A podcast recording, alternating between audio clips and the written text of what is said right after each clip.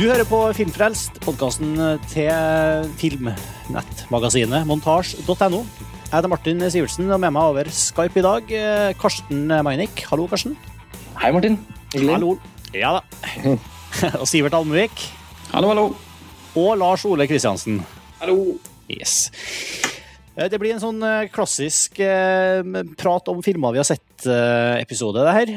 Liksom til kjerne Litt sånn kjernefilmfrelst eh, episode. Det blir som å sitte på eh, rundt kafébordet med oss, og vi eh, bare Ja, skulle til å si skitprat om, om filmen. Dette er jo ryggraden Filmfrelst er bygget på. ja. Vi har ikke noen sånne store headliners for episoden her. ehm, fordi vi ikke har en, liksom De store julefilmene har ikke helt kommet ennå, med- kanskje med unntak av ehm, av selvfølgelig én film som dere tre har sett, du og ikke jeg. Eh, Den nye filmen til Sofia Coppola har eh, har det vært anledning til å se nå, selv om den ikke kommer før i romjul, til, til romjula? Ja, det stemmer jo. Den heter Somewhere. Hva, har, den har blitt vist i forbindelse med en festival, eller? Ja, fordi altså, nå, nå, Sivert har jo flyttet sørover, eh, Martin, så du er jo alene i Trondheim. Så Ja. i forbindelse med at Oslo Internasjonal Filmfestival ble arrangert nå, den ble akkurat avsluttet i helgen, så hadde de en åpningsfilm, og det var Sofia Coppolas uh, 'Somewhere'. Uh, I tillegg så har det vært en pressevisning som Lars Ole var på tidligere på høsten, så, så alle vi har sett den, selv om den har premiere andre juledag.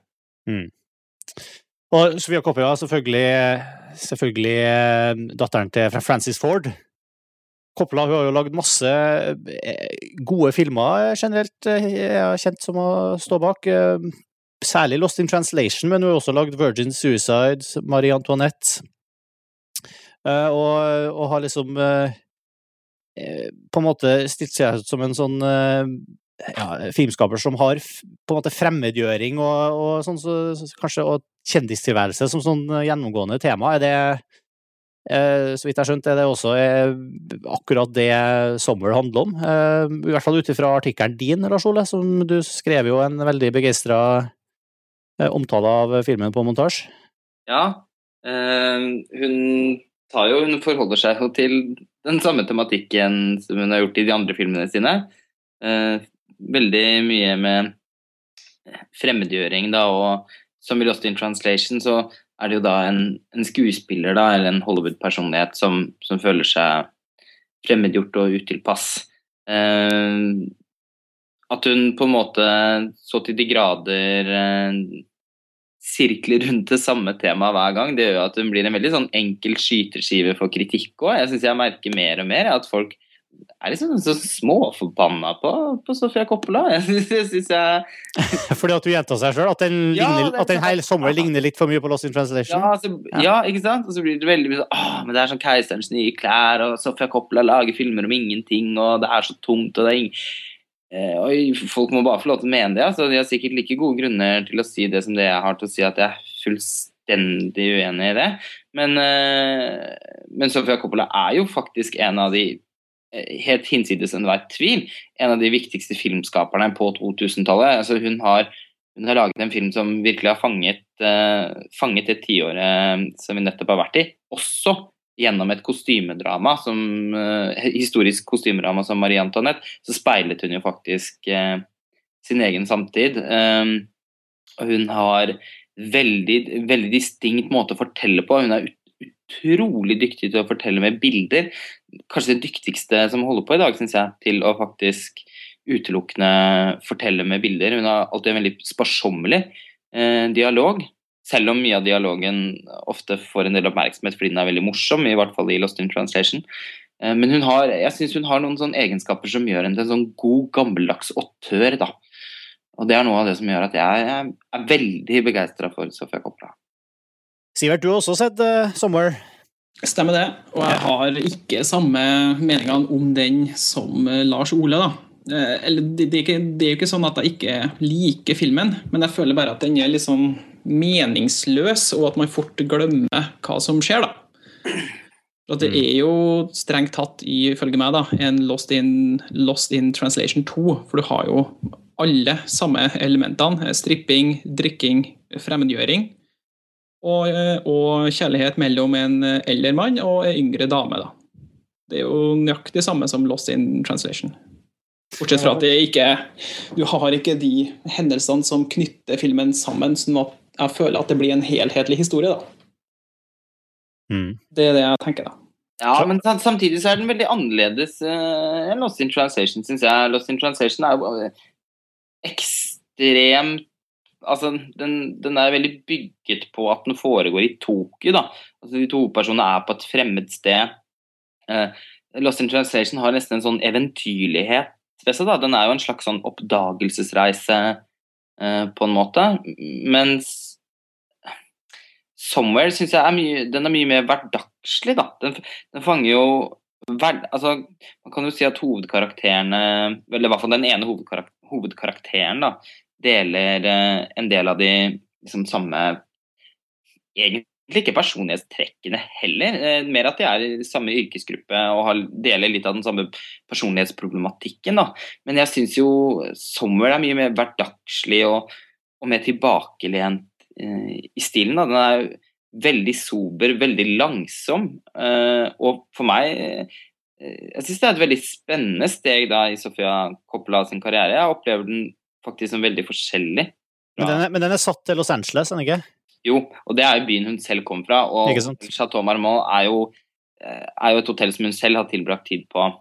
Hun er jo strengt tatt datteren til Francis Ford Coppola, så hun har jo reist mye rundt på hotellet. Det hotellet som de er på i Milano i filmen, har jo Sofia Coppola vært på ved flere anledninger.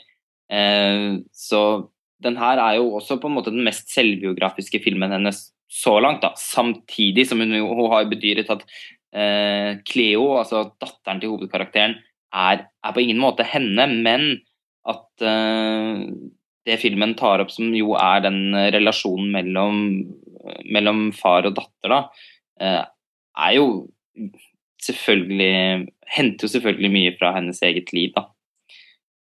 Men, men så, som du sier, som du er inne på i artikkelen din, og som vi tydeligvis ser her også, så er jo det hun er tydeligvis en sånn, altså i hvert fall Sommer, da, en film som på en måte splitter publikum litt, da. eh, Fra de som eh, på en måte vil innse ganske fort at det her ikke, ikke er en, en, en film for dem, og andre som, som på en måte lener seg tilbake og, og bare tar det inn over seg. Ja, det, sånn sett så ligner den veldig mye på eller, altså, det, det var veldig mye av det samme som, samme som skjedde med Marie Antoinette. Mm. eh, som var, var en film som også var veldig polariserende når den kom. Det er jo en film som jeg tror har vokst veldig inn på mange, fordi jeg treffer stadig flere. fordi Jeg kjenner snart ingen som ikke liker den filmen. Men, eh, Men Lost in Translation var jo til ikke sånn, den var jo mer sånn lett, lett, lett å like. Ja, den Ja. elsket jo på en måte alle, hvis man kan få lov til å liksom generalisere litt. Eh, Mm. Det var jo en, eh, en publikumsfavoritt, faktisk. Eh, mens Marie Antoinette delte hun jo publikum veldig, og det har, gjør hun jo igjen med 'Somewhere'. Um, men jeg har litt sånn sansen for um, ja, sansen for de veiene hun går, da. Hun, det virker jo som hun på en måte er veldig lite interessert i å bli likt. Uh, jeg jeg syns hun lager filmer som jeg føler De er veldig Det, føler, det høres jo veldig banalt ut å si det, men jeg synes jo det Jeg opplever veldig at filmene kommer fra hjertet hennes, da. Det setter jeg veldig stor pris på. Jeg blir også veldig rørt av de, og det gjaldt 'Somewhere' også. Jeg syns den har faktisk flere av de fineste scenene jeg tror jeg har sett i år. Hvilken side av gjerdet ramler du ned på her, Karsten? Jeg sitter, og, jeg sitter og tenker meg nøye om mens jeg lytter til um, Nei, altså jeg har jo, jeg har jo fått hatt en del samtaler om, om 'Somewhere' siden jeg så den. Uh, snakket litt med Sivert uh, og, og ganske mye med Lars Ole om det. Men vi Altså min, min Jeg merket veldig sterkt at dette var en film det var vanskelig å felle en dom over da den akkurat var over. Um, hvis man ser altså Mange av oss i montasje ser jo mye film sammen, og da blir det jo ofte en sånn kultur for at man skal kunne liksom snakke om filmene nesten i det øyeblikket lyset går opp i kinosalen. da. Og Det er jo, jo litt sport i det, og det er, en, det er en ganske morsom ting å på en måte prøve å ta fatt i en film øyeblikkelig etter at man har opplevd den. Men ikke alle filmer egner seg for den typen sånn rask, veldig rask refleksjon. Jeg syns ofte det, det endrer seg. Inntrykket jeg har av en film endrer seg etter hvert som den får lov å liksom synke mer inn og bli en del av mine egne liksom, At den får være litt i systemet mitt. da. Og Sofia Coppola er en filmskaper som lager filmer som har den effekten. da. Jeg syns de virker på den måten. Ingen av Sofia Coppolas filmer har jeg et forhold til nå som ligner på det jeg hadde da jeg så den første gangen. Eh, mange av de største, eller de filmene jeg er mest glad i, er jeg veldig glad i nettopp pga. den øyeblikkelige opplevelsen jeg hadde av dem. Mens med Sofia Coppelas filmer så føler jeg nesten at alle er sånne filmer som som liksom mørner og knas på en eller annen måte over tid. Og, og, og det har det veldig sånn med 'Somewhere'. Jeg vet faktisk ikke om jeg liker den, jeg. Uh, men jeg, jeg, jeg, tror jeg kommer til å like den bedre og bedre. Og det, ja, jeg tror, jeg, bare kort, det tror jeg har å gjøre med at hun etterlater et veldig stort rom for at vi skal fylle fortellingene med våre ting. Og det er nok derfor også folk kaller noen av filmene hennes, Eller enkelte publikummere eller kritikere opplever at det hun lager, ikke egentlig handler om noe mer enn det man ser, og at det dermed blir en følelse av 'Keiserens nye klær'. ikke sant? Her ser, man, her ser man en uh, film som man har lest masse gode kritikker av, og så tenker man men er det, hva er det i denne filmen her? Men kanskje en av oppgavene hun, hun tør å stille overfor publikum, da, er det at vi må fylle dem mer med vårt eget enn til vanlig. Og for noen så er det helt irrelevant. Jeg vil kanskje ikke fylle filmene med noen ting. Jeg syns ikke dette var bra nok. Og for andre så kanskje da det vokser frem over tid. Og det gjorde det veldig med Marie Antoinette for min del. Også med Lost in Translation, men da var jeg veldig umiddelbart også overbevist uh, om. Somewhere har jeg ikke liksom fått helt uh, tak på ennå. Hva, hva, med skuespillervalget her, da? Hun valgte jo uh, Bill Murray, av alle, til å spille en ganske sånn ukarakteristisk rolle i Lost in Translation. Og her har hun ja. funnet Steven Dorff, som er Jeg vet ikke, jeg, jeg har alltid tenkt på han som han er sånn, rett og slett en B-filmskuespiller. Ja. Litt sånn actionhelt uh, Litt sånn uh, av den uh, Hvordan funker det her? Eh, jeg, hvis jeg kan si noe om det først, så, så syns jeg det, illustrerende her er jo at Brian, Bill Murray i Lost in Translation Jeg husker jo ikke helt pre presist nå, men var han en enorm Hollywood-stjerne i den filmen, eller var han en rimelig kjent skuespiller? Big in Japan. Han var vel en B-skuespiller som begynte å falle med, så vidt jeg husker. da. Ja, og det følte jeg på en måte... Han er en B-skuespiller. Han sitter ja. og ser på film med seg selv ja. spansk. Ja, for det rimet jo litt med hvor Bill Murray var.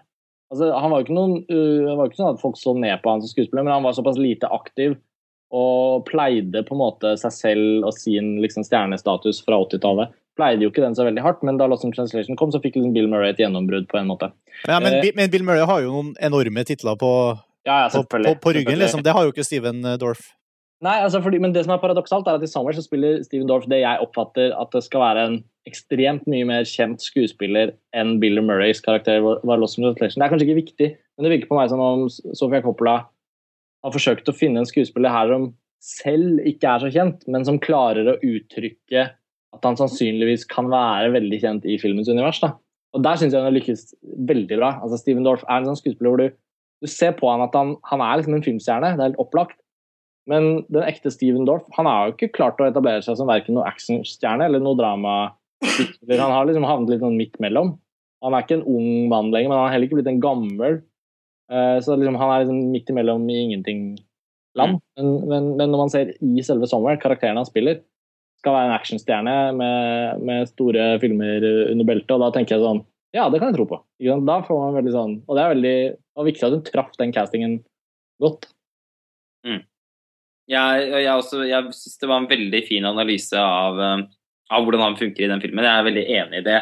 Jeg var veldig syns det var veldig godt castet, altså. Jeg var, og, og jeg syns han var veldig, veldig god på å fange igjen det, det jeg sier så mange ganger, at jeg, jeg syns at filmen har en hverdagslighet ved seg da, som jeg har veldig sans for.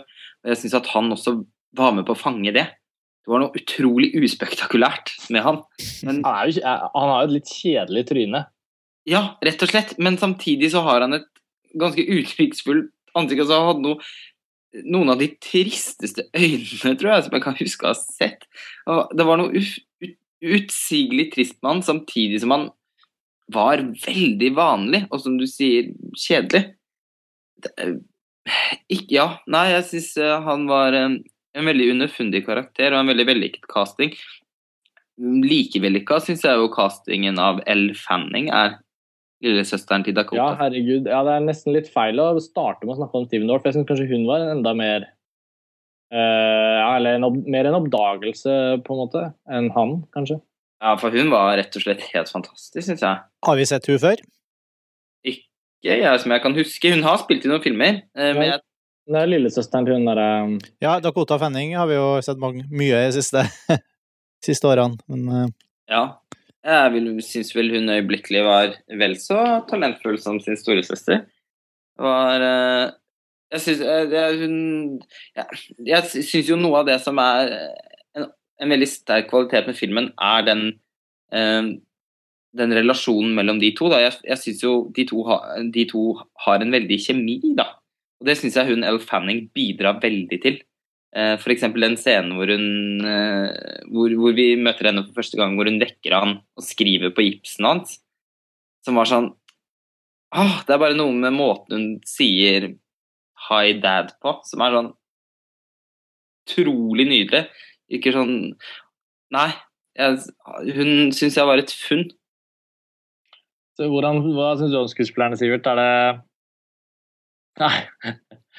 Selv om du kanskje ikke ble like hardt truffet av filmen som Lars Ole, er du så Hva syns du om castingen?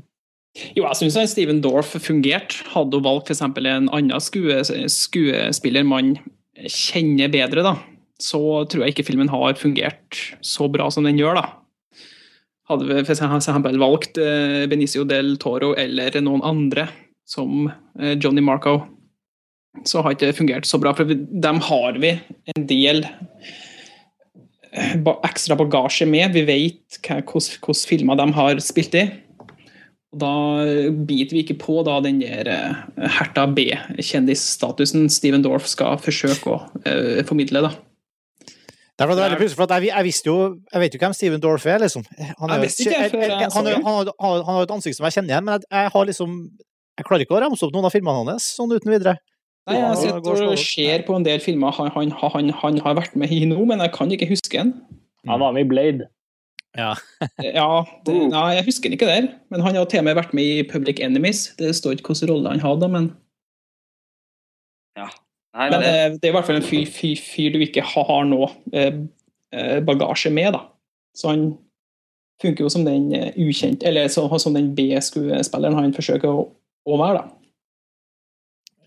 Men den også, her altså, Summer ender da opp som en av det, det, ofte, det kommer ofte en del sånne store filmer i jula. Ja, jeg tror, jeg, jeg tror ikke noe den her kommer til å Eller den er nok fremdeles en ganske liten Det er en liten film, ikke sant? Vi har jo Den store norske julefilmen er jo 'Hjem til jul'. Den har vi jo uh... Jule, altså julefilm det... det har to betydninger, da. Sommer er en julefilm fordi den lanseres i jula. Folk kommer til å se den i jula. Ja. Uh, Hjem til jul har jo veldig sånn Den har jo allerede kommet på kino. Julete tematikk, men det er jo ikke sikkert den er på kino lenger når jula er Når romjulen kommer. Nei, vi, du tror ikke det? Du tror ikke den blir holdt på kino til over Det ville vært rart. Jeg er ikke sikker. Det kommer jo Det kommer, jo, det kommer veldig an på, selvfølgelig. Men én ting er det litt sånn kinopolitiske. altså Det kommer såpass mye nye filmer at veldig mange av de gamle filmene må gå av. Det er klart Den kommer til å fortsette å gå i Oslo, og sånn, men det er ikke sikkert at Hjem til jul nødvendigvis er på kinoene Nei. om tre uker, da, i så stor grad som den er nå. Har, har du fulgt med på besøkstallene? Vi, har jo, vi hadde jo veldig lite sansen for den filmen her. Anbefaler alle å lese Lars Oles artikkel om filmen som på mange måter oppsummerer det, de, de, problemene vi, i hvert fall de, alle jeg prata med i montasje, hadde med filmen. Ja, vi kan godt snakke litt om det. Jeg tror vi, vi vet vel at vi er ganske enige om at ikke vi følte det var en innertier. Nei. Men, det var tidenes mest for, forsiktige utsagn. For å si det sånn, vi, har, vi, i hvert fall, vi, er, vi er ganske uenige med, med, hva Den har jo fått ganske snill med mottagelse rundt omkring i, i filmmedia i, av, av, norske filmanmeldere, men vi har Og det har vi syntes, ja. det har vi syntes vært veldig merkelig, da.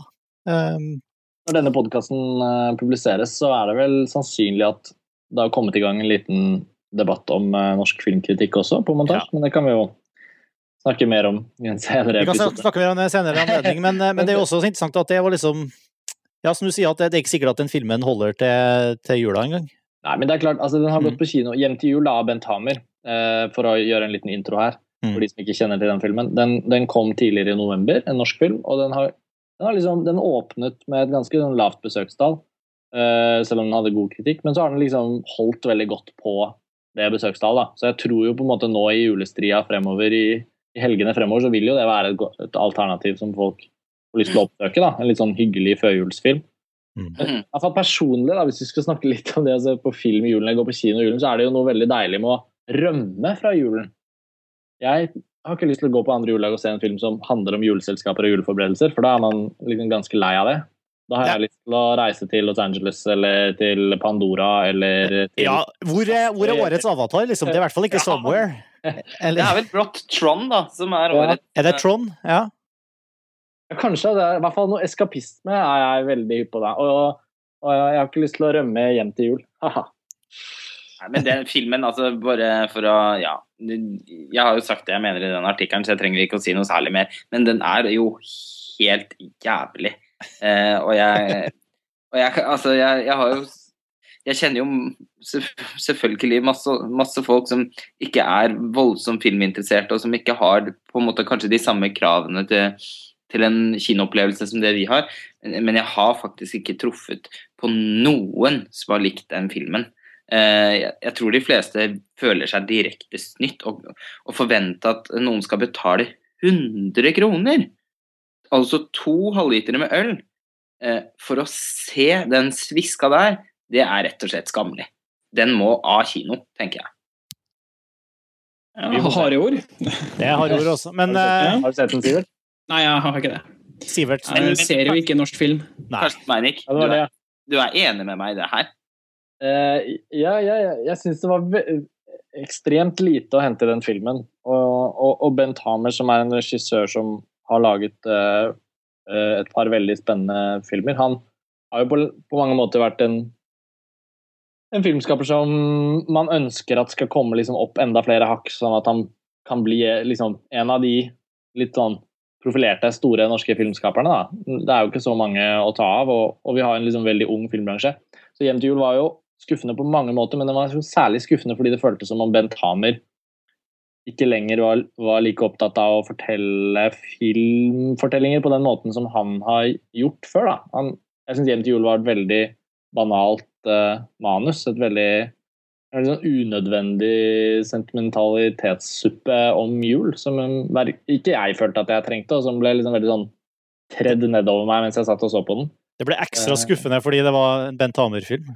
Jo, litt fordi på, han, han er jo en av de få regissørene jeg syns vi har her i Norge som har evnet til å lage filmer som alene har blitt hans karakter som filmskaper. Han har jo ikke vært en sånn offentlig profil som har jobbet veldig hardt for å skaffe seg et image som gjør at folk skal liksom skjønne hvem han er, liksom filmkunstneren Bent Hamer. Han er veldig tilbaketrukket og sånn sett berømmelig. Eh, Jeg syns det er berømmelig at han, han lar filmene snakke for seg. Han har holdt veldig på en sånn stil. Selv da han lagde film i, i, utenfor Norges grenser, i Faktotum, som var en amerikansk independent-film, så beholdt han veldig sitt særpreg. Uh, nå har ikke jeg sett eh, 'En dag til i solen', som var den andre spillefilmen hans, uh, men uh, alle de andre har jeg sett. Og hjem til jul så er det et sånt radikalt steg vekk fra fra den tonen og den stemningen og den litt sånn originale fortellerstilen. Og så går han over i et dypt kommersielt og veldig frustrerende sånn flettverkslandskap som, som jeg var lei av allerede i Babel, og som er veldig veldig vanskelig å få til. Det er ikke bare fordi stilen er litt irriterende, men hvis du skal lage en spillefilm hvor flere historier skal flettes inn i hverandre, så må den helheten som filmen utgjør, må være liksom massivt god. Da. Det må være en betydning i hver fortelling, fordi du får så lite tid eh, til å gjøre mye ut av karakterene. Og her er det en, en spillefilm som er under 90 minutter lang, med over seks, ja, seks karakterer og en rammefortelling. og og hel, en hel tematikk, altså julen, liksom, som, som, både noe litt melankolsk og sørgelig og for mange ganske plagsomt, og på den andre siden noe veldig fint og vakkert. Eh, veldig mange banale karakterer. Eh, skuffende lite engasjerende, fordi vi alle har et forhold til jul. Ja, se, nå startet jeg. Altså, det er mange ting med denne problem, problemfylte filmen som jeg egentlig kunne tenke meg å snakke om, men, men jeg syns hovedsakelig det er, det er veldig viktig når en så stor eller en så betydningsfull filmskaper i norsk sammenheng, når, når det er åpenbart at han går vekk fra sitt kunstneriske prosjekt på en eller annen måte, så er det viktig å si det og snakke om det. Fordi jeg tror fremdeles Bent Hamer kan fortsette å lage filmer som tar han i en retning hvor han blir en mer og mer merittert og betydningsfull filmskaper utenfor Norges grenser. Men det er ikke Hjem som tar han i den retningen. Nei, uh, det er godt sagt. Uh, I echo that. Eh, Men så, så, så altså ikke eh, Du nevnte eh, Hvem var det som sa Trond her? At kanskje det er den store julefilmen Altså hva liksom Vi har vel ingen Avatar, men vi har kanskje en Trond eh, i år. Vi har, vi har Kongen av Bastøy, da. Ja, ikke sant? Det er jo en annen norsk eh, Apropos norske filmer, selvfølgelig. Den kommer jo også til å fylle kinoene i den forstand at kinoene ofte liker å ha en norsk film tilgjengelig. Og hvis, mm. når Bastøy kommer, så er det jo også mulig at Hjem til jul og andre norske filmer skyves litt eh, til side. Den er det jo kjempeforventninger til. Jeg har ikke sett den. Det er kjempeforventninger i filmkretser, i hvert fall. Jeg vet ikke om Mm. den sitter like høyt fram i, i det liksom uh, eh, De som går på kino en gang i året. Nei, for den har Eh. blitt, rett og slett blitt litt sånn stusslig promotert. Ja, den har Ja. Det er, det er mange som har lagt merke til den. Nei, De har kanskje ikke satt ordentlig i gang. jeg vet ikke. Det er fremdeles tre uker til. altså. Jeg vet ikke. Det er jo en, eh, vi vil vel sannsynligvis vie en egen eh, filmfrelst, forhåpentligvis, til Kongen av Bastøy, tenker jeg. Ja, det hadde jo vært, øh, vært gøy, det. Kanskje Tron og, og Bastøy. Ja. to, to veldig forskjellige filmer. Jeg mener ikke at de hadde kommet samme dag. Hva, hvilke forventninger har dere til Trond? Jeg merker jo eh, at på for min egen del at eh, den, for, den originale Trond-filmen eh, ligger jo veldig langt bak i hukommelsen min, og eh, det er ikke noen, det er ikke noe som har betydd noe særlig for meg. Jeg ser jo at ut ifra promo-trailere, sånn som jeg har sett av den nye Trond-filmen, så er det jo eh, Altså, eh, det virker Jeg har ikke sett noe som virkelig appellerer så veldig mye til meg, da, utover eh, at jeg er veldig spent på å høre soundtracket til Daft Punk. Eh, og, og jeg er jo jeg er veldig glad i science fiction, og, og, men, men det virker Altså, de scener, det, det har jo blitt sluppet enkelte scener, litt sånn utvida klipp fra filmen og sånn, og det har jeg følt har vært litt sånn uh, lite å hoppe i været for, altså. Litt så som så. Ja, Ja, er det noen andre, andre tekst på det? Ja.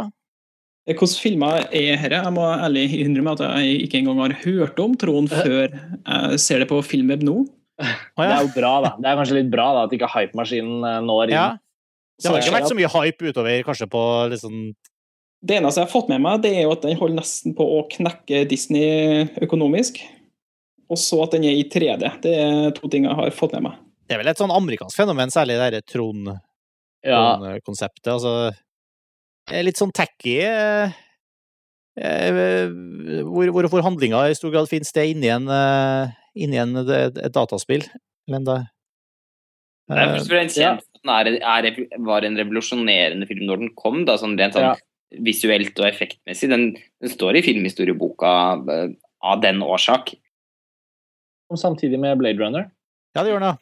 Det var jo en litt sånn her eh, cyberpunk eh, Eller det er sikkert en sjanger som, har, eh, som noen vil irettesette meg og si nei, Tron er ikke det. Whatever. Jeg har ikke noen god peiling på det, men cyber et eller annet, da. Det Mm. var liksom en sånn periode på 80-tallet hvor ting var litt sånn slitne. Cyberpunk.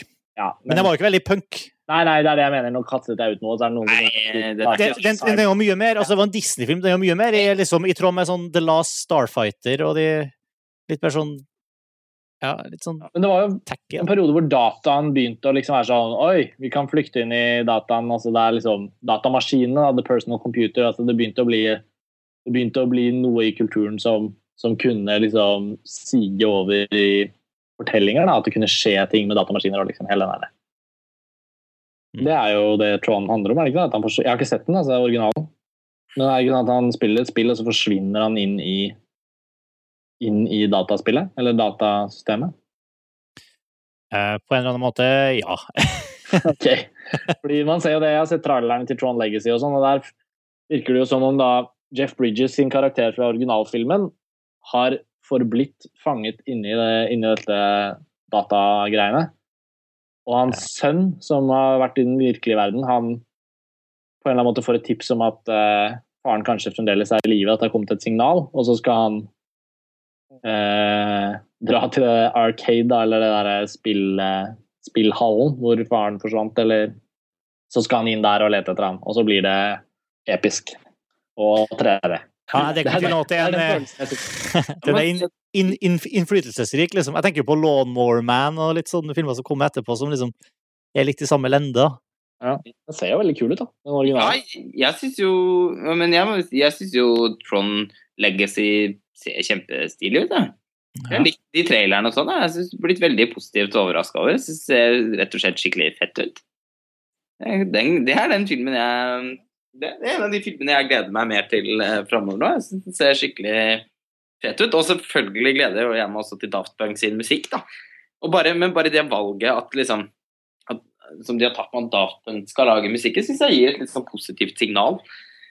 Da, Det er jo en utrolig bra match, da. Det, Ja, de må jo ha vært fan av Trond. Altså. ja, det, det passer jo så utrolig godt inn i liksom hele det gra- visuelle universet her. det er sikkert en sånn gutteromsdrøm for de lage, men likevel. Ja, ja. OK, eh, så men vi kommer tilbake til både Trond og. Ja, til nå snakker vi bare om film. Filmer vi kan kunne komme til å se i jula. Ja. Ok, la meg, jeg, jeg, har jo, jeg er veldig dårlig til å komme meg på kino, men jeg blir jo sittende en del hjemme og se film eh, liksom på sen nattestid, da, og da, da eh, er jeg ganske flink til å få med meg liksom, litt sånne ting som er nytt på, som er nylansert på DVD, og jeg driver jo også og har en, en eh, Det er litt interessant, jeg har en amerikansk konto på iTunes.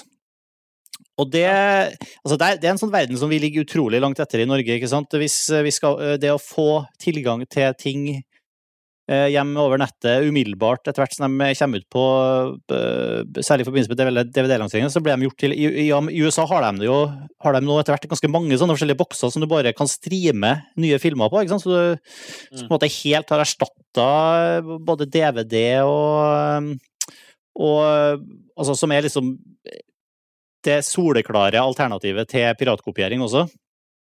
Som, som, bare, som vi ikke har liksom gleden av å ha i Norge i det hele tatt. Uh, og det, bare det, jeg ser jo nå bare det å ha en sånn det som eh, amerikansk iTunes-konto, så får jeg liksom se litt hva, hva de har tilgang til eh, i USA. Og, da, og jeg sitter jo hjemme og leier filmer her. Og det som, er, det, det som har skjedd i siste, er også at eh, nå, det er i hvert fall ett filmselskap har nå begynt å, å slippe filmer på nettet. eh, ikke bare samtidig som kinolansering, men også i enkelte tilfeller et par dager før film, den eh, faktiske lanseringa, eh, den ordinære kinolanseringa. Hva i all verden? Hva slags, typ- hva slags filmer er det? Er det noe profilerte Det er Magnolia, ja. heter det? Magnolia Pictures har eh, sluppet mm. to filmer har jeg sett som har dukka opp, som jeg kan, jeg kan sitte hjemme i stua Jeg har liksom hatt det tilgjengelig på TV-en min. Kan jeg sitte og betale for åtte dollar, amerikanske dollar, så hadde jeg kunnet ha leid uh, uh, I'm Still Here siden, tidlig, siden oktober, altså siden et par dager før den ble sluppet på kino i USA. Og også Nå har jeg ikke kommet så langt at jeg har sett I'm Still Here ennå, men, men den, en film jeg har sett i det siste, er en film som heter Monsters. Ja. Som, også, som også ble tilgjengelig på eh, utleie samtidig som eh, den amerikanske kinolanseringa. Og, og det her er jo ikke Det er jo ikke Altså, det er jo liksom filmer Det er absolutt Jeg tror det her er en trend som vi bare ser mer og mer av framover, da. Og det er en katastrofe at vi ikke har har et sånt tilbud i Norge, egentlig. Vi har jo enkelte selskaper som tilbyr streaming, filmutleie over nettet, men ikke eh, den derre ikke, det utvalget og den eh, Det er på en måte ikke så utspredd i det hele tatt. Det, vi har ikke Vi ligger liksom i hvert fall fire-fem år bak USA, da. på samme måte som vi gjorde med musikk for, eh, på begynnelsen av 2000-tallet. Ja, det er, det er veldig synd, for det virker jo det er jo veldig appellerende tanke. Altså, hvis man følger med litt, så leser man jo gjerne om filmer på nettet som lanseres i USA, f.eks. Akkurat sånn som den Monsters, som jeg har fått veldig lyst til å se. Ja, Nå, vet, det, nå, nå kommer den på kino i Norge, da. det, det kommer i februar. Ja, Men den, at, eh, den, den, den så jeg for en måneds Nei, ikke måned, par, par uker siden. Hvordan var den? Jeg, jeg, likte den, jeg likte den veldig godt, egentlig. Den er jo den er veldig spes... Altså, Si litt om bakgrunnen. Jeg har lest det, men det er jo det ja, det er en film som er, som er Det er jo en science fiction-film, det her også. Den heter jo Monsters, og Monsters er da Altså, det, det er Aliens har eh, på en måte landa på jorda. Det, det er brukt ganske lite tid, egentlig, på å beskrive så så mye hva, eh, hvordan, hvorfor det her har skjedd, men, men, men du blir på en måte bare satt i en slags sånn setting nede i Mexico, hvor romvesenet har en, et fakta, liksom. Det er eh, monster på jorda, og de kommer fra verdensrommet, og de har, det er en slags sånn krigsunntakstilstand der, med det er noe smitte, karantenesoner satt opp, og du eh, det er liksom eh, Det som er veldig interessant, er stilen er litt sånn à la det vi kjenner fra District 9 og Cloverfield, hvor det er liksom dokumentarisk eh, håndholdt, en sånn ganske høy grad av realisme i hele eh, hele preget. Mens Men er det en kommentar, Nei. Nei, det er ikke det. Eh, Det er egentlig en slags sånn eh, kjærlighetsfilm, roadmovie, med den herre alien-invaderte jorda eh, som Egentlig bare som backdrop.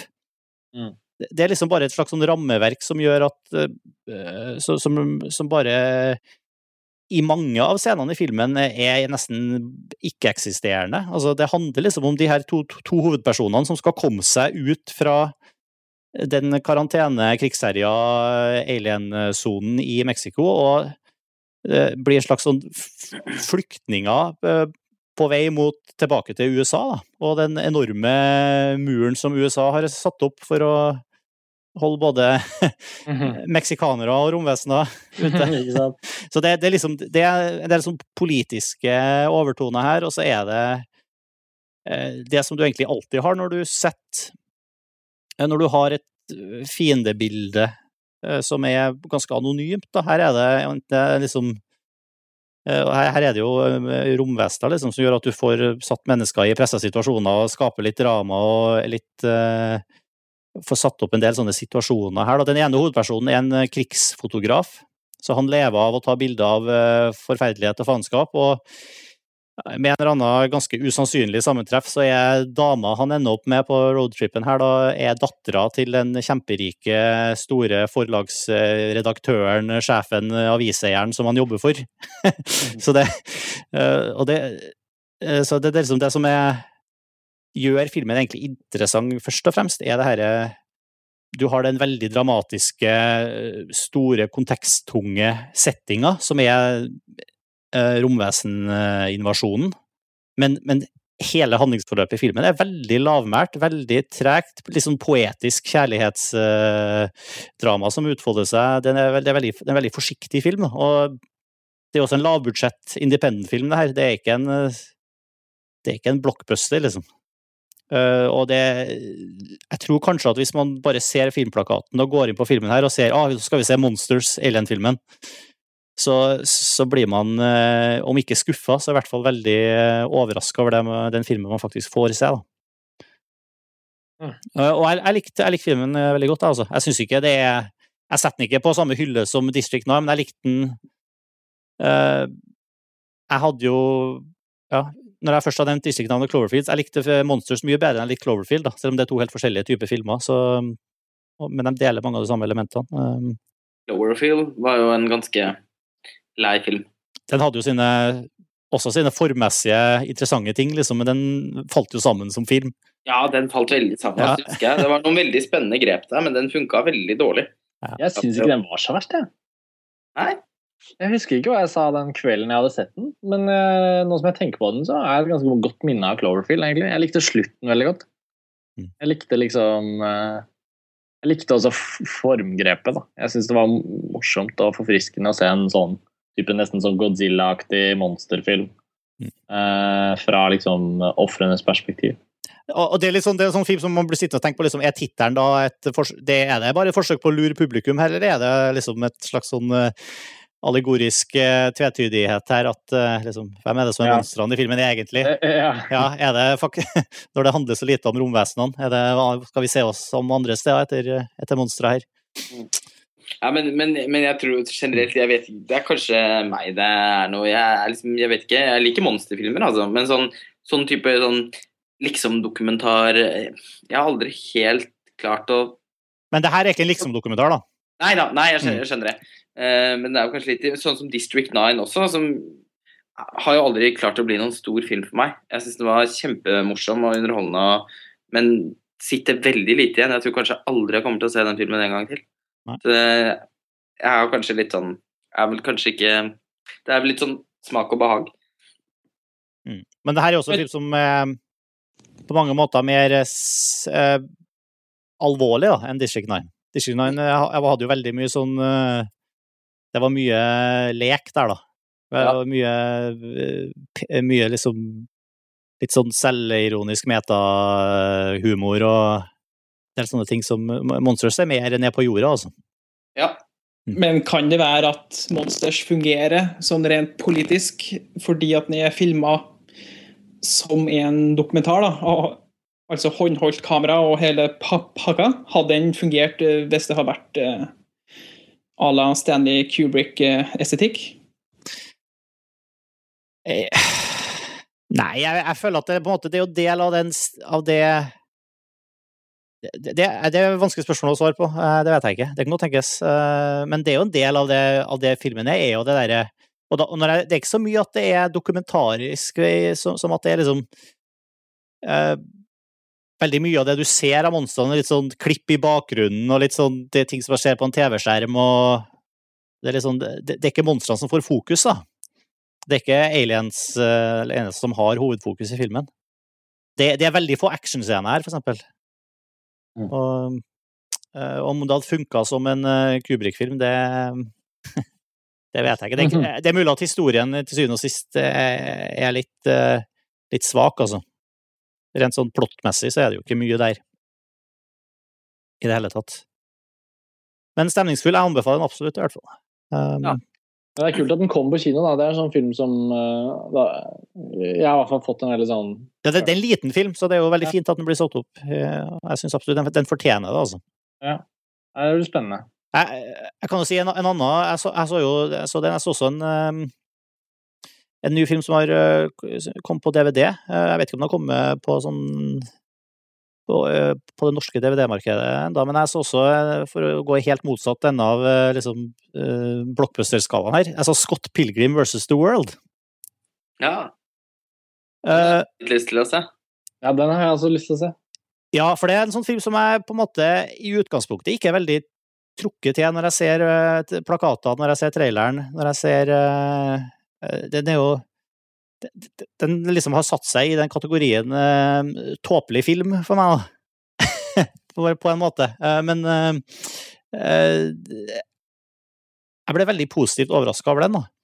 Jeg hadde jo egentlig ikke grunn til å bli Altså jeg, har, jeg, har jo, jeg, liker jo regissøren veldig godt, det han har gjort før. Det er Edgar Wright som har regissert her. Han har lagd Hot mhm. Fuzz, mm. Shaun of the Dead, det er to, to filmer som jeg liker. Særlig Hot Fuzz hadde jeg veldig sansen for.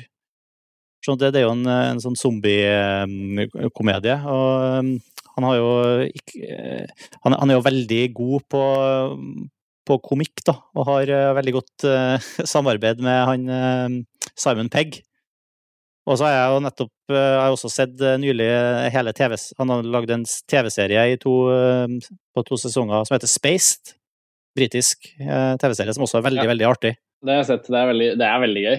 Så jeg liker veldig godt uh, Edgar Wright, så jeg burde jo egentlig ikke bli overraska over at uh, Scott Pilgrim vs. The World ble en såpass god film.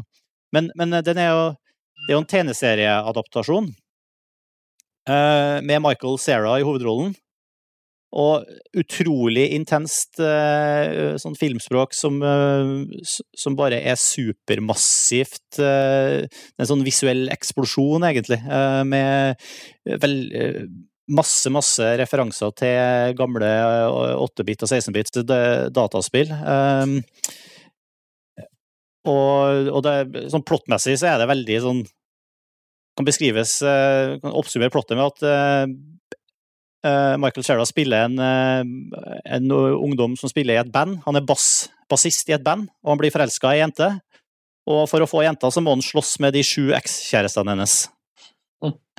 og det er helt sånn um, men, men det er, det, filmen har et eller annet den har, For det første så har den et utrolig eh, bra tempo. Uh, veldig sånn uh, rytme og komisk timing, og den er utrolig uh, flott å se på. Veldig spennende å se på. Det skjer masse hele tida.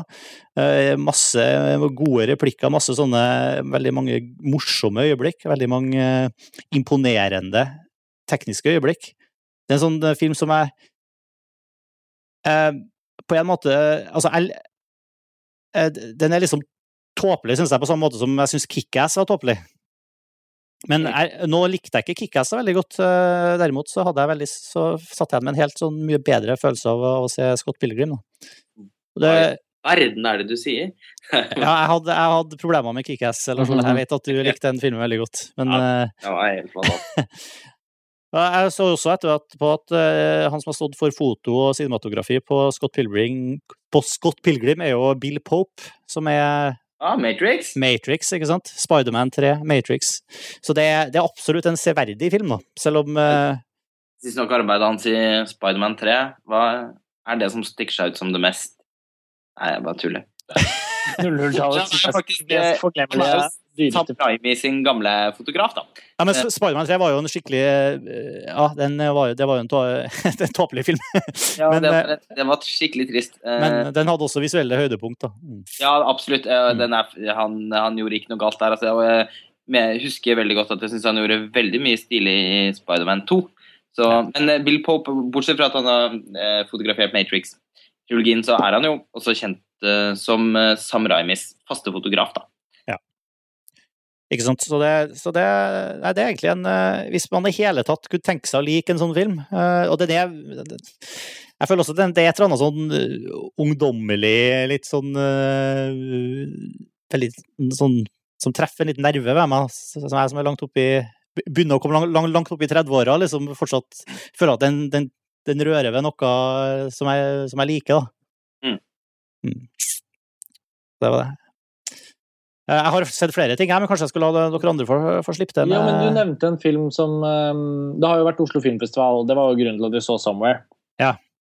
Og du, så, du sa at den 'I'm Still Here' var tilgjengelig i iTunes. Ja. Og den vet jeg at Sivert var og så på Oslo Internasjonal Filmfestival, men den har ikke jeg sett, og den er jeg veldig nysgjerrig på. Hvordan var den, Sivert? Jo, det var litt sånn eh, det, det er jo en dokumentar, og det visste jeg jo før jeg kom, kom inn. da. Men jeg satt nettopp og tenkte eh, på den mens dere snakka nå, at eh, hadde jeg kommet til å gått på den hvis jeg ikke hadde visst at det var en dokumentar? Bare, ja, ja, bare i kraft av hva den, hva den var, liksom. For dette er jo filmen om Joaquin Phoenix, skuespilleren som gikk ned i et eller annet. Går til, ja, går til grunne og virkelig driter seg ut og ødelegger karrieren, da. Som faktisk ganske mange trodde på òg, mens han holdt på. For han holdt på i ett og et halvt til to år, så vidt jeg husker. Men, men, men der er jo filmen eh, altså der skjedde jo Det var jo en historie en virke, som gikk i, i media. Som har, han har vært ute og gjort en hel masse sånn eh, Hvis det var en dokumentar, da, så har han gått rundt og gjort en masse stunts og dumma seg ut i all offentlighet. Ja, han spilte jo den rollen i nesten, i, i nesten to år. og så han oppsøkte jo sånne situasjoner som virkelig skulle skape be- eh, òg, da. Eh, Blant annet det. eh, David Letterman. Ja, den som ble det, og det, det siste eh, spikeren i kista. Etter det så begynte folk å tenke, tenke på at kanskje det er noe At det, at det virkelig gikk ille med han lell, da. Men eh, som, som dokumentar da, så føler jeg at den følger i de, det som etter hvert, eller som jeg føler etter, etter hvert har blitt en sånn typisk dokumentarstil, det at det fokuseres veldig på eh, realisme fram til et visst punkt, eh, som, eh, som regel fram til midten av filmen. Og da er det én episode som skjer, og da begynner man å skjønne at ok, her, er no, her, er, her må være tull. Mm. Det blir jo nøyaktig som eh, hva, skal jeg si? Nøyaktig som eh, Spinal Tap, når du begynner å høre om de trommisene som eksploderer. Akkurat da så begynner du å skjønne at kanskje ikke her er et ekte band likevel. Det, er et sånt punkt på en måte hvor det, hvor det, det tipper over. Ja, det er et punkt der du føler at filmen eh, må avsløre seg sjøl som en komedie. da. Eh, fram, fram mot det punktet så er det jo virkelig hjerteskjærende og flaut å se på at han Joaquin Phoenix driver og snakker med P. Diddy, eller hva han kaller seg nå, da, og virkelig driter seg ut og røler ut om masse rare, rare ting om å finne seg sjøl, at han har funnet seg sjøl gjennom rappmusikken, og du hører at han virkelig ikke burde ha gjort det, ha gjort det, det der. For han er ingen flink r- rapper. Men var den ja, eh, endte opp med å Er det, er det en, er det en severdig, liksom? Hva, Ja, den er interessant. Nå har jeg jo sett i etterkant et nytt intervju på David Letterman, der eh, man får litt mer kjøtt på, kjøtt på beina bena hvorfor eh, han Phoenix gjorde det han gjorde. For han hadde jo fått uh, dilla på, på, på, sånne fake reality-serier som MTV kjører og sånt. Og han begynte å tenke, tenke på at hvorfor er, er folk så dumme som går på dette og tror at dette er eh, virkeligheten, når det er såpass dårlig skue, skue, skue, eh, skuespill? og opplagt at det her er fake. Så da eh, tenkte han at ja, hvorfor ikke prøve, prøv å gjøre det samme, da. Og vi gikk jo, mange gikk jo fem på. Ja, det, ja, ja det gjorde det. Eh, Ganske mange kritikere før han eh, avslørte at dette var tull, og gikk jo på, på det. Men, men alt det her er jo ting som er rundt filmen. Kontekst og før og etter og Ja, det blir jo veldig fokus på stjerne, eller at vi tilber At vi, at vi Jeg føler, jeg føler nesten ikke at jeg trenger å se filmen engang. Nei, nei, man skjønner jo at i etterkant hva, hva det er han forsøker å si. For at det er veldig fokus på eh, vårt forhold til stjernene. da, At de alltid er i magasinene, og de har slanka seg, og de har eh, gjort, eh, gjort, ditt, gjort ditt og datt. da. Mm. Så det er vel det han spiller, på. Jeg forsøker å si litt, si litt om oss som både som filminteresserte og som interessert i, i, i eh, stjernenes private gjøremål. da. Det, det får meg til å Jeg må bare nevne jeg må skyte den igjen. Også, for at den, den siste filmen jeg, den nyeste filmen jeg har sett nyligst, det er også en, en dokumentar som, som jeg, Jeg har litt sånn eh, elementer ved seg som gjør at mange spekulerer på om den er en, eh, en mokumentar. Jeg har sett eh, en film som heter Exit Through the Gift Shop.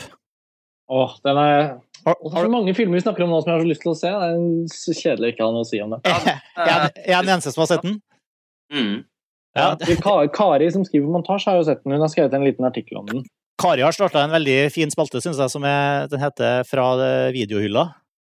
Ja. som, som er filmer som ikke kom, kom eh, for norsk kinodistribusjon. Eh, Og det her er jo en av dem som, som er sannsynligvis blir tilgjengelig på DVD, eller om den ikke er det allerede. Eh, Det var også en film som dukka opp på, på iTunes-spillelista mi. Men den er, den er virkelig den, den når aldri det punktet som du snakker om, Sivert, hvor du på en måte bare må gi deg over, og, eller hvor, hvor den liksom avslører seg sjøl den, den er svelgbar som en eh, faktisk dokumentarfilm. og Det kan godt tenkes at eh, For jeg har ikke gjort nok research til å faktisk vite om om den er 100 eh, re- om den er fiktiv eller ikke, da. Men den er jo Filmen er, har, handler jo om gatekunst, graffiti og, og street art, og er liksom har Banksy, som er den eh, britiske eh, veldig store, eh, eh, verdensberømte street artisten som regissør og som liksom avsender, da. Det i seg sjøl er jo en grunn til å tro at her er det kanskje noe, eh, noe som ikke er helt eh, rett fram med, med filmen. Men Banksy er jo, som selvfølgelig er litt av greia med Banksy, at det er ingen som vet eh, det er på en måte, Han har en skjult identitet. da, Han går bare under eh, sitt kunstnernavn, og det, det er ikke kjent hvem som er den reelle personen bak, bak Banksy. Men um, Exit to the Gift Shop forteller på en måte historien om en kar som heter Thierry Guetto, som, um, som, begynte, som fulgte de herre streetartistene rundt på, mens de satte opp kunsten sin rundt omkring på gata, liksom. Mens de eh, gikk opp på store reklameskilt og klistra opp sine egne kunstverk og eller eh, liksom eh, eh, satte opp sine installasjoner. Og, og, etter, og, og følger liksom han utgangspunktet filmskaperen her, eh, hvorpå han da etter hvert lar seg tar hele denne verden innover seg og blir en kunstner sjøl. Og tar på seg eh, kunstnernavnet Mr. Brainwash, og selv bare rapp, eh, egentlig uten å ha noen kunstneriske sånn eh, evner sjøl. Bare eh, skape, skape seg en slags sånn figur i den verden her, og det spiller litt inn på det her som eh, eh, så, Altså, den er, en film som er som setter Det er en film fra kunstnere som er veldig sånn selvre- selvrefleksiv om, om kunst da, i seg sjøl. Om verdien av kunst, hva som blir Om trend, hva som får oppmerksomhet, hva som ikke får oppmerksomhet, hva som er folk, eh, hva som tiltrekker folk, hva som eh, gjør at eh, ting blir store kommersielle suksesser i kunstverdenen, eh, hva som ikke, gjør at det ikke blir det Det er hele tatt en veldig sånn øh, øh, I tillegg til at altså det er en veldig interessant film, bare i kraft av de temaene som blir tatt opp, i tillegg til at den har den er utrolig bra satt sammen. Den har liksom et utrolig bra dramatisk eh, driv. Den har eh, overraskende vendinger som er ofte ikke det du forventer av en dokumentarfilm. Eh, Den gir deg liksom nok rom til å reflektere mens du ser på, uten å liksom dytte poengene ned halsen på deg. Og, og ikke minst så gir den deg masse, masse, masse kule eh, sånn nesten behind the scenes-opptak fra den street art-verdenen, som er veldig fascinerende. Og du får se masse stilig, stilig kunst, rett og slett, og, og masse eh, morsomme og interessante opptak om, om hvordan eh, denne kunsten blir laga, og hvordan den blir presentert, og hvordan eh, menneskene bak en eh, ser på det de gjør. Eh, så ja. Den minner meg litt om We Live in Public, som, Mm. som dokumentarfilm. For det er også en film som var Som på en måte har elementer ved seg som er litt sånn vanskelig å svelge, da. Som, for at eh, hoved, hovedpersonen i William Public er en sånn iscenesetter av seg sjøl, på en måte, i media. At man man liksom vet ikke helt hvor man skal stå i forhold til hvor mye av det her eh, skal jeg ta på alvor. Eh, Men, men det har liksom ikke så mye å si, da. Det, det er en veldig det, den, den har veldig mye Begge filmene er veldig gode. da. Exit Through the Gift Shop syns jeg var en, eh, ja, en av de bedre filmene jeg har sett på, på veldig, veldig lenge. Og, Laga Banksy òg, da? ja, det er Banksy som er på en måte avsenderen Ja. bak filmen. Det er han som er det, altså den, det første du ser i filmen, er av Banksy-film, liksom. Banksy okay, Presents, okay. eller et eller annet sånt regissert av Banksy. Eller, det står et eller annet sånt i begynnelsen av filmen, i hvert fall. Hvordan får han til å lage en film når det er ingen som vet hvem du er? Det syns jeg er litt sært. Filmen, filmen begynner også med Altså, filmen er presentert som en eh, det, det begynner med intervju av eh, Banksy Altså, han er jo en stor kommersiell aktør, han Banksy nå. Han har han, det er jo en, han har liksom uh, eh, forretningsfolk som styrer på en måte Banksy eh,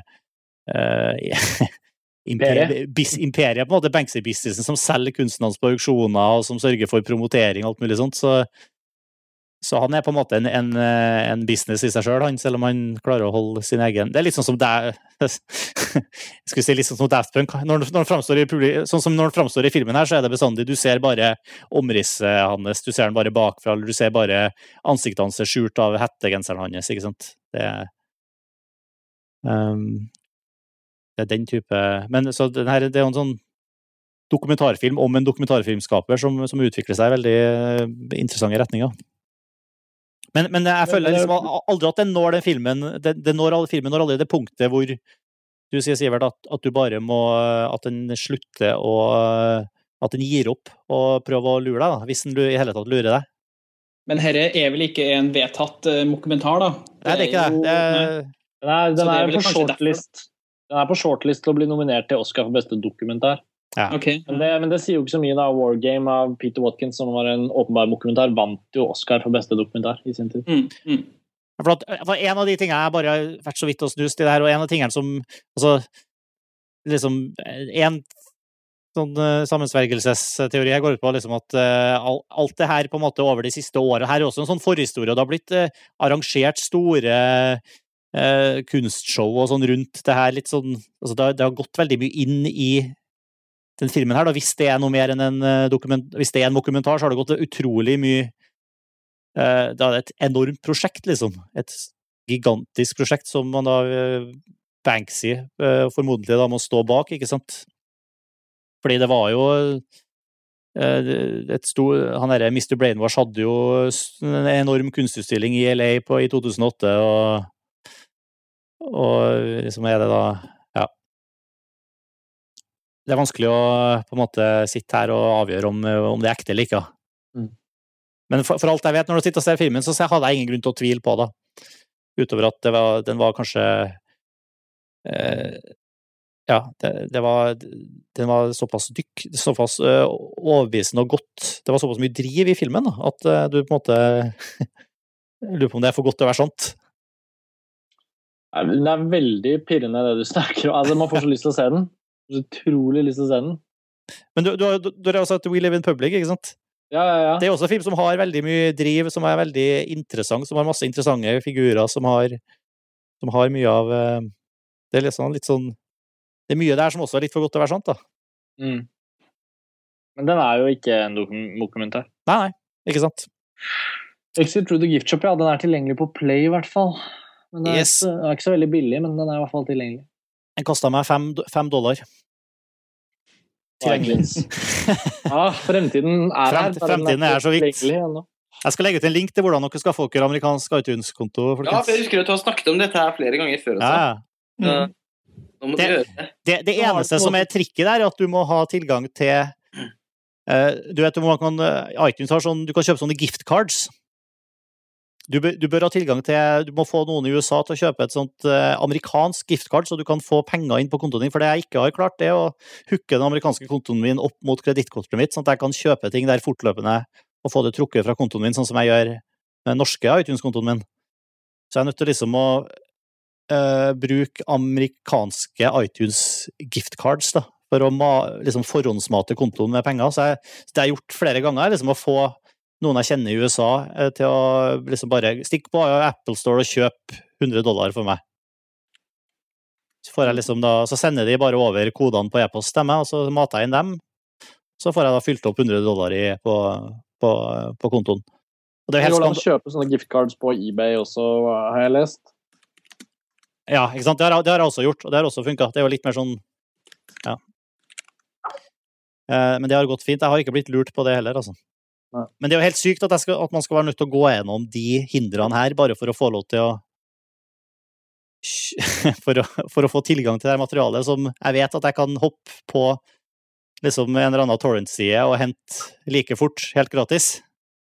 Om penger, vet du. De vil jo, det, det, er jo det, det var jo derfor de innførte sonene på DVD-ene før. Jo, men tenk deg hvor mye bedre det hadde vært hvis vi, vi alle kunne gjort det her eh, kanskje enda litt billigere til og med, eh, og gjort det uten å gå gjennom de her, eh, uten å liksom måtte hacke seg til en amerikansk konto for å få tilgang til det. Altså, Men har noen gang eh, musikk- og filmindustrien vært noe til seg selv fremovertenket da, når det kommer til det? da? De men det er så opplagt at det der har vært det beste våpenet mot piratkopiering. har vært at Ja, ja, ja. gjort ting mer, tilgjengelig og billigere for Ja. Uansett. Eh, vi skal linke både til artikkelen til Kari og til hvordan man kan skaffe seg en eh, US-konto. Eh, Karsten, har du sett noe gøy i det siste? Ja, Fra det ene til det andre? Fra det ene til det andre. Jeg, jeg, har sett, jeg har sett ganske mye film, føler. Jeg, jeg har jo vært på Oslo Filmfestival. Ja. Eh, Men jeg, har, jeg, returnerer til det alltid, ja, men det er fordi at det er jo en veldig fin måte å få sett mye Både veldig mye sånn smal, rar, eh, kul eh, indie-film fra rundt omkring i verden, og en del av de filmene som er på vei til å komme på kino. Da. Sånn som 'Somewhere', som vi snakket om i begynnelsen av episoden. Men øh, jeg har vel sett litt andre filmer òg, men det er litt sånn mer i forhold til arbeidet på montasje. da. Jeg så en ganske, ganske fin norsk novellefilm, f.eks. Den ble også vist på UiFF. Um, og da gjorde jeg et intervju med regissøren, som ligger på montasje. Uh, men um, på søndag, på siste dagen av Oslo internasjonale filmfestival, så var jeg og så en, en veldig bra amerikansk independent-film som heter Tiny Furniture. Mm den er det ingen av dere andre som har sett. Så det blir jo litt Slo han fast. Ja. ja, men det blir jo kanskje litt kjedelig at hver og en av oss skal sitte her og fortelle om hver vår film. Da. Så jeg skal gjøre det veldig kort. Men det er en øh, Det er liksom et kjent begrep at amerikansk independent-film får premiere på Sundance, og så sakte, men sikkert så får de kanskje kinodistribusjon, og så kommer de på kino i løpet av året i USA. Og så distribueres rundt omkring i verden. Og amerikansk independent-film har jo egentlig vokst i løpet av liksom slutt, siden slutten av 80-tallet gjennom hele 90-tallet og 00-tallet, så har jo egentlig independent-filmen ikke er, den er ikke så veldig independent lenger. da. Eh, Studioene i Hollywood eier liksom små avdelinger som eh, produserer film for en billigere penge, og skuespillere gjør litt sånne edgy roller, på en måte, men det er fremdeles veldig store stjerner som gjør det. Så det som før var independent-film, er egentlig ikke independent-film lenger. da. Så det, det, er, det måtte vokst fram en sånn underskog under der igjen som eh, har, har, mange har forsøkt å gi det et navn, og jeg, jeg syns ingen av navnene egentlig fungerer så veldig godt, men det er en independent, independent eh, verden i, i Amerika med veldig unge filmskapere som Er, lager det, er det Mumblecore? Ja, det er jo et veldig tåpelig navn, da, men fordi det, det gjelder jo ikke for alle filmene, og Tiny Furniture passer ikke i den sjangeren i det hele tatt. Men la oss kalle det på en måte veldig, veldig sånn do it yourself, veldig sånn en gruppe, en stor gruppe unge filmskapere som ikke nødvendigvis kjenner hverandre, men som kanskje heller er en del av en generasjon, hvor det å ha tilgang på billig produksjonsutstyr, evne å klippe ting selv på din egen Mac, og fortelle historier om, om mennesker på din egen alder, gjerne deg selv og vennene dine som skuespillere. Den verden der, der vokser det frem eh, 90% mye ræva filmer, men 10 eh, veldig mye fint. Og på den festivalen som heter South by Southwest, som arrangeres i Austin, Texas i mars hvert år, den festivalen har på en måte tatt over eh, Hvis Sundance før var et sånt sted hvor du kunne oppdage virkelig helt ukjente nye eh, filmskapere og stemmer, så er det egentlig på South by Southwest dette nå skjer. da. Hvis man tenker på da at unge filmskapere gjerne er folk i tidlig eller i midten av 20-årene som lager sine første filmer. Det er jo interessant, for Den festivalen er jo ikke bare en filmfestival, det er jo en mer sånn uh, ny mediefestival. Ja, det er en utrolig interessant kombinasjon av festivaler. da. Istedenfor å tenke at du skal arrangere en festival hvor det bare vises film, eller bare eh, er en eh, ikke sant, Øyafestival med band og sånn. På South by Southwest så er det jo da både musikkfestivalen, og så er det filmfestivalen, og så er det teknologifestivalen, og så er det nye medier-festivalen, og så er det spillfestivalen. Altså, de bakes veldig inn i hverandre. da. Og på årets South by Southwest så var det én spesiell film særlig som hadde liksom et gjennombrudd, og det var da Tiny Furniture, som er skrevet og regissert, og eh, hovedrollen spilles av uh, en da jente som heter Lena Dunham, som er fra New York, som er 24 år gammel nå, og som spiller en 22 år gammel versjon av seg selv i filmen. Og Den har fått bare sånn veldig kjempebuzz uh, etter at den hadde premiere der, og vant alle prisene den kunne vinne, og så hadde den hatt premiere på amerikanske kinoer nå for noen uker siden. Eh, så jeg har fulgt litt med på den og egentlig lest om filmer fra South by Southwest i årevis. Men uh, veldig få av dem blir tatt ut på norske filmfestivaler, og ingen av dem har blitt distribuert på kino her. Men Tiny Furniture kom på Oslo Filmfestival. En annen film som heter Cold Weather, som også var på South by Southwest i år, den ble sluppet på Biff. Og på Biff fikk jeg sett den, og nå på Oslo Filmfestival så fikk jeg sett Tiny Furniture. og det var virkelig, det var virkelig en oppdagelse. Altså. Det var, det var det var som å se på en måte den første det var som å se debutfilmen til en kvinnelig Woody Allen anno 2010. Eh, og da mener jeg både i form av humor, i form av et veldig bevisst filmspråklig Det var ikke noe sånn håndholdt uh, tull. altså. Det var en virkelig velkomponert film med et veldig modent filmspråk, men som hele tiden var sånn Du følte at filmen til enhver tid hadde pulsen på på hovedpersonen og hennes venner og aldersgruppe. Akkurat den der 24-åringen som har gått på college og som kommer hjem til uh, riktignok sin liksom ganske borgerlige kunstnerfamilie i New York med ressurssterke uh, mennesker rundt seg, men likevel en veldig sånn frustrert person som ikke er helt sikker på hvor hun er, hvor hun skal. Um, og jeg bare syns den var så treffende og rørende og veldig, veldig morsom.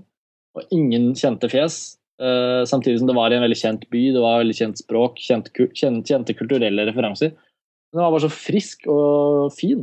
Uh, og det er forbløffende egentlig at ingen har plukket opp den filmen her i, i, Norge, fordi den var så publikumsvennlig. Det var godt opp med folk i salen, og det var liksom en sånn type sånn smittsom stemning som du bare kan føle når du er på de virkelig liksom, smarte, intellektuelle komediene. Um, pluss at den var rørende. Så jeg, jeg har egentlig nesten ingenting negativt å si om den filmen. Um, det var en stor opplevelse. Hmm. Oh, veldig misunnelig. Det er notert. Hvis det noensinne dukker opp i en eller annen kanal hvor det er en eller annen ja. anledning vil ha sjansen til å se den, så skal jeg notere meg Tiny Furniture. Ja, men Den er distribuert av IFC Films i USA, og de har jo en sånn video on demand-satsing. For de, de skjønner jo at all den markedsføringen de får gjennom redaksjonell omtale i forbindelse med kinopremieren, det er jo bare bortkastet å vente et halvt år med å slippe den på DVD og hjemmevideo. Så mm. den er jo nå sluppet også som sånn uh, video on demand festival, festival, on demand, eller hva de kaller det. Sånn at uh, Jeg tror ikke AFC leverer filmer til iTunes i USA, ellers så kunne du kjøpt den på den der uh, tjenesten. Ja. Jeg har ikke lagt merke til den i hvert fall. Nei. Men eh, det, det, vi får bare notere oss det. så Enten så er det jo mulig at den vises på festival kanskje på, i Tromsø i januar igjen, hvis, hvis de ser, den, ser, interessen av å vise den. Men så får vi bare håpe at kanskje noen andre blir nysgjerrig på den og kanskje ja, jeg vet ikke, kanskje distribuerer den, eller Den kommer jo i hvert fall på DVD, da, mm. når alt kommer til alt en eller annen gang neste år. En eller annen gang. Mm. Så det var kanskje høydepunktet for meg i helgen. Eh, men jeg var også så en annen film som Lars Ole har sett på Oslo Filmfestival, hvis vi skal gå litt videre. Ja. ja kaboom! kaboom. Ja. Det var en veldig, veldig bra film, syns jeg. Um... Den er stemningsgodt. ja. for, for å bruke allerede rukket å skrive om den da, på montasje. Ja. Uh, det er en frykt Altså en ekstremt uh, uh, sexy film, for å si det sånn. En, en trash-film, men eh, veldig, veldig underholdende. Eh, Lars Ole likte den jo mange hakk bedre enn meg, fordi jeg syns nesten ikke sjangeren er så veldig verdifull i seg selv. Men, men når man først ser en trash-film hvor det, en måte, det at den er litt dårlig, er det som gjør den bra, så må jeg si at denne her var eh, midt i blinken. Ja, og så var den eh, Den var også veldig bra i sin dårlighet, holdt jeg på å si. Eh, jeg syns ikke den var sånn Jeg synes ikke det var en sånn film som ha-ha, den er så bra fordi den er så dårlig. Den var ikke så dårlig, det var ikke det jeg mente. Men um, Ja, for jeg- den er Jeg syns den var utrolig gjennomført. da. Sinnssykt glorete, men på en veldig lekker måte. Eh, Fantastisk bra. På en måte Hele misanscenen en i filmen var helt eksepsjonell. Kostymer og scenografi. Altså, eh, det var eh, så besnærende hele tiden. Kjempestemningsfull. Nydelig soundtrack av eh, en komponist som heter Wood, eh, Robin Guthrie, som jeg nettopp har begynt å, å, å høre på eh, etter å ha sett filmen. Fantastisk eh, sexy, som, som ja, men, sier. det var faktisk en av de mest sexy filmene jeg kan huske på veldig lenge. Det var, Ja, det var man må sånn, helt sånn hemningsløst hvordan de karakterene bare Enten bare utfoldet seg, selvfølgelig, i seksuelle mm, opplevelser med hverandre og, med, og på tvers av kjønn, og det var liksom ingen grenser. Men måten de snakket om det, og på en måte scener som stoppet opp, og, og det ble diskutert, og, og det, det gled over på en måte også i kanskje hele filmens estetikk litt. Det var liksom sånn skittent og uggent, og så var det sånn overnaturlige elementer galore. liksom. Det var jo ingen grense for uh, Plutselig kom det en altså plutselig var det en sjalu heks der. og Det var liksom, det var, liksom, det var så ubegrenset. Det var kanskje det jeg likte best med hele filmen. At den hadde ingen skam. Nei, den hadde virkelig ingen skam. Og eh, som du sier, altså den måten bare Det var mye av dialogen òg som var på en måte sånn uh, Man sa, sa sånne ord du liksom ikke Nei, hørte jeg det? Sa hun? Ja, hva- Særlig hun, da. Hun ene karakteren. som var Ja, Juno Temple. Som er, hun er jo bare helt fantastisk. Hun har gjort så mange bra roller nå, og i den filmen her så går hun jo virkelig fra uh, Ja, her var hun veldig tiltrekkende. Ja, det går. Man kan jo liksom ikke rose helt unna det. Var, man ble jo rett og Nei, slett men det er jo en film det er umulig å snakke om uten å snakke om type Ja. sånn reaksjon. Ja, Man ble rett og slett litt kåt av å se den filmen. Og, uh, men, det var, men den var også veldig god, jeg. Og eh, det, det var eh, Og regissøren som har laget den, eh, Greg Araki, han er jo ikke Altså, han er ikke tapt bak en vogn, holdt på å si. Han er et uh, viktig navn i amerikansk independent-film. Han har jo laget en av de beste amerikanske indie-filmene de siste ti årene, som er Mysterious Skin. Uh, og, og, og før Mysterious Skin så har han laget en del en, en del filmer som er mer lik Kaboom. Mysterious Skin er jo Der er, han jo faktisk, prøver han jo faktisk å fortelle en historie. En ganske sterk Eller ikke en ganske en jævlig sterk historie også. Mm. Eh, men de tidligere filmene hans, eh, som The Doomed Generation og, og Totally Fucked Up og Nowhere, er jo mye mer i takt med Kaboom. Men en sånn film som Nowhere, for eksempel, da er ikke, jeg syns ikke den er på langt nær så gjennomført. Den er mer den har noen fine ting, men blir også ganske slitsom å se på. Kaboom hadde meg hele tiden. da Jeg koste meg grenseløst når jeg så filmen. Jeg likte så, likte så godt å være i det universet da, som han, han hadde laget. Eh, helt umulig å plassere filmen i noen sjanger. Altså, det er en heksegryte av forskjellige ting. Helt som eh, Den er så lite måteholden at det er nesten Jeg har nesten ikke sett maken. Men den er eh, På en merkelig måte så syns jeg den var litt, nesten litt rørende òg, jeg. da. Jeg ble, ble veldig sanselig tilfredsstilt av den filmen. Men Men hvordan stiller den seg i forhold til den tema, tema, tematikken som Greg Garaki eh, bruker å ha da med homofili og sånn? Han er jo i New Queer Cinema, som det så fint det heter. Jeg har jo sett den Mysterious Kid. Jeg syns jo den var ganske sterk og, og jævlig, egentlig. Ja, den er jo for- for- forferdelig. Eh, Den er jo fæl. Eh, Men den er jo ganske vakker på en eller annen måte, den òg. Men, eh, men den er jo mest jævlig. Ja, men den hadde veldig, den var veldig, den hadde veldig gode kvaliteter, syns jeg også. Ja, ja, ja. Det var, det var en, en, på mange måter en veldig god film. Men, men jeg føler, altså, han, har jo, han er jo kjent som en sånn queer-filmregissør.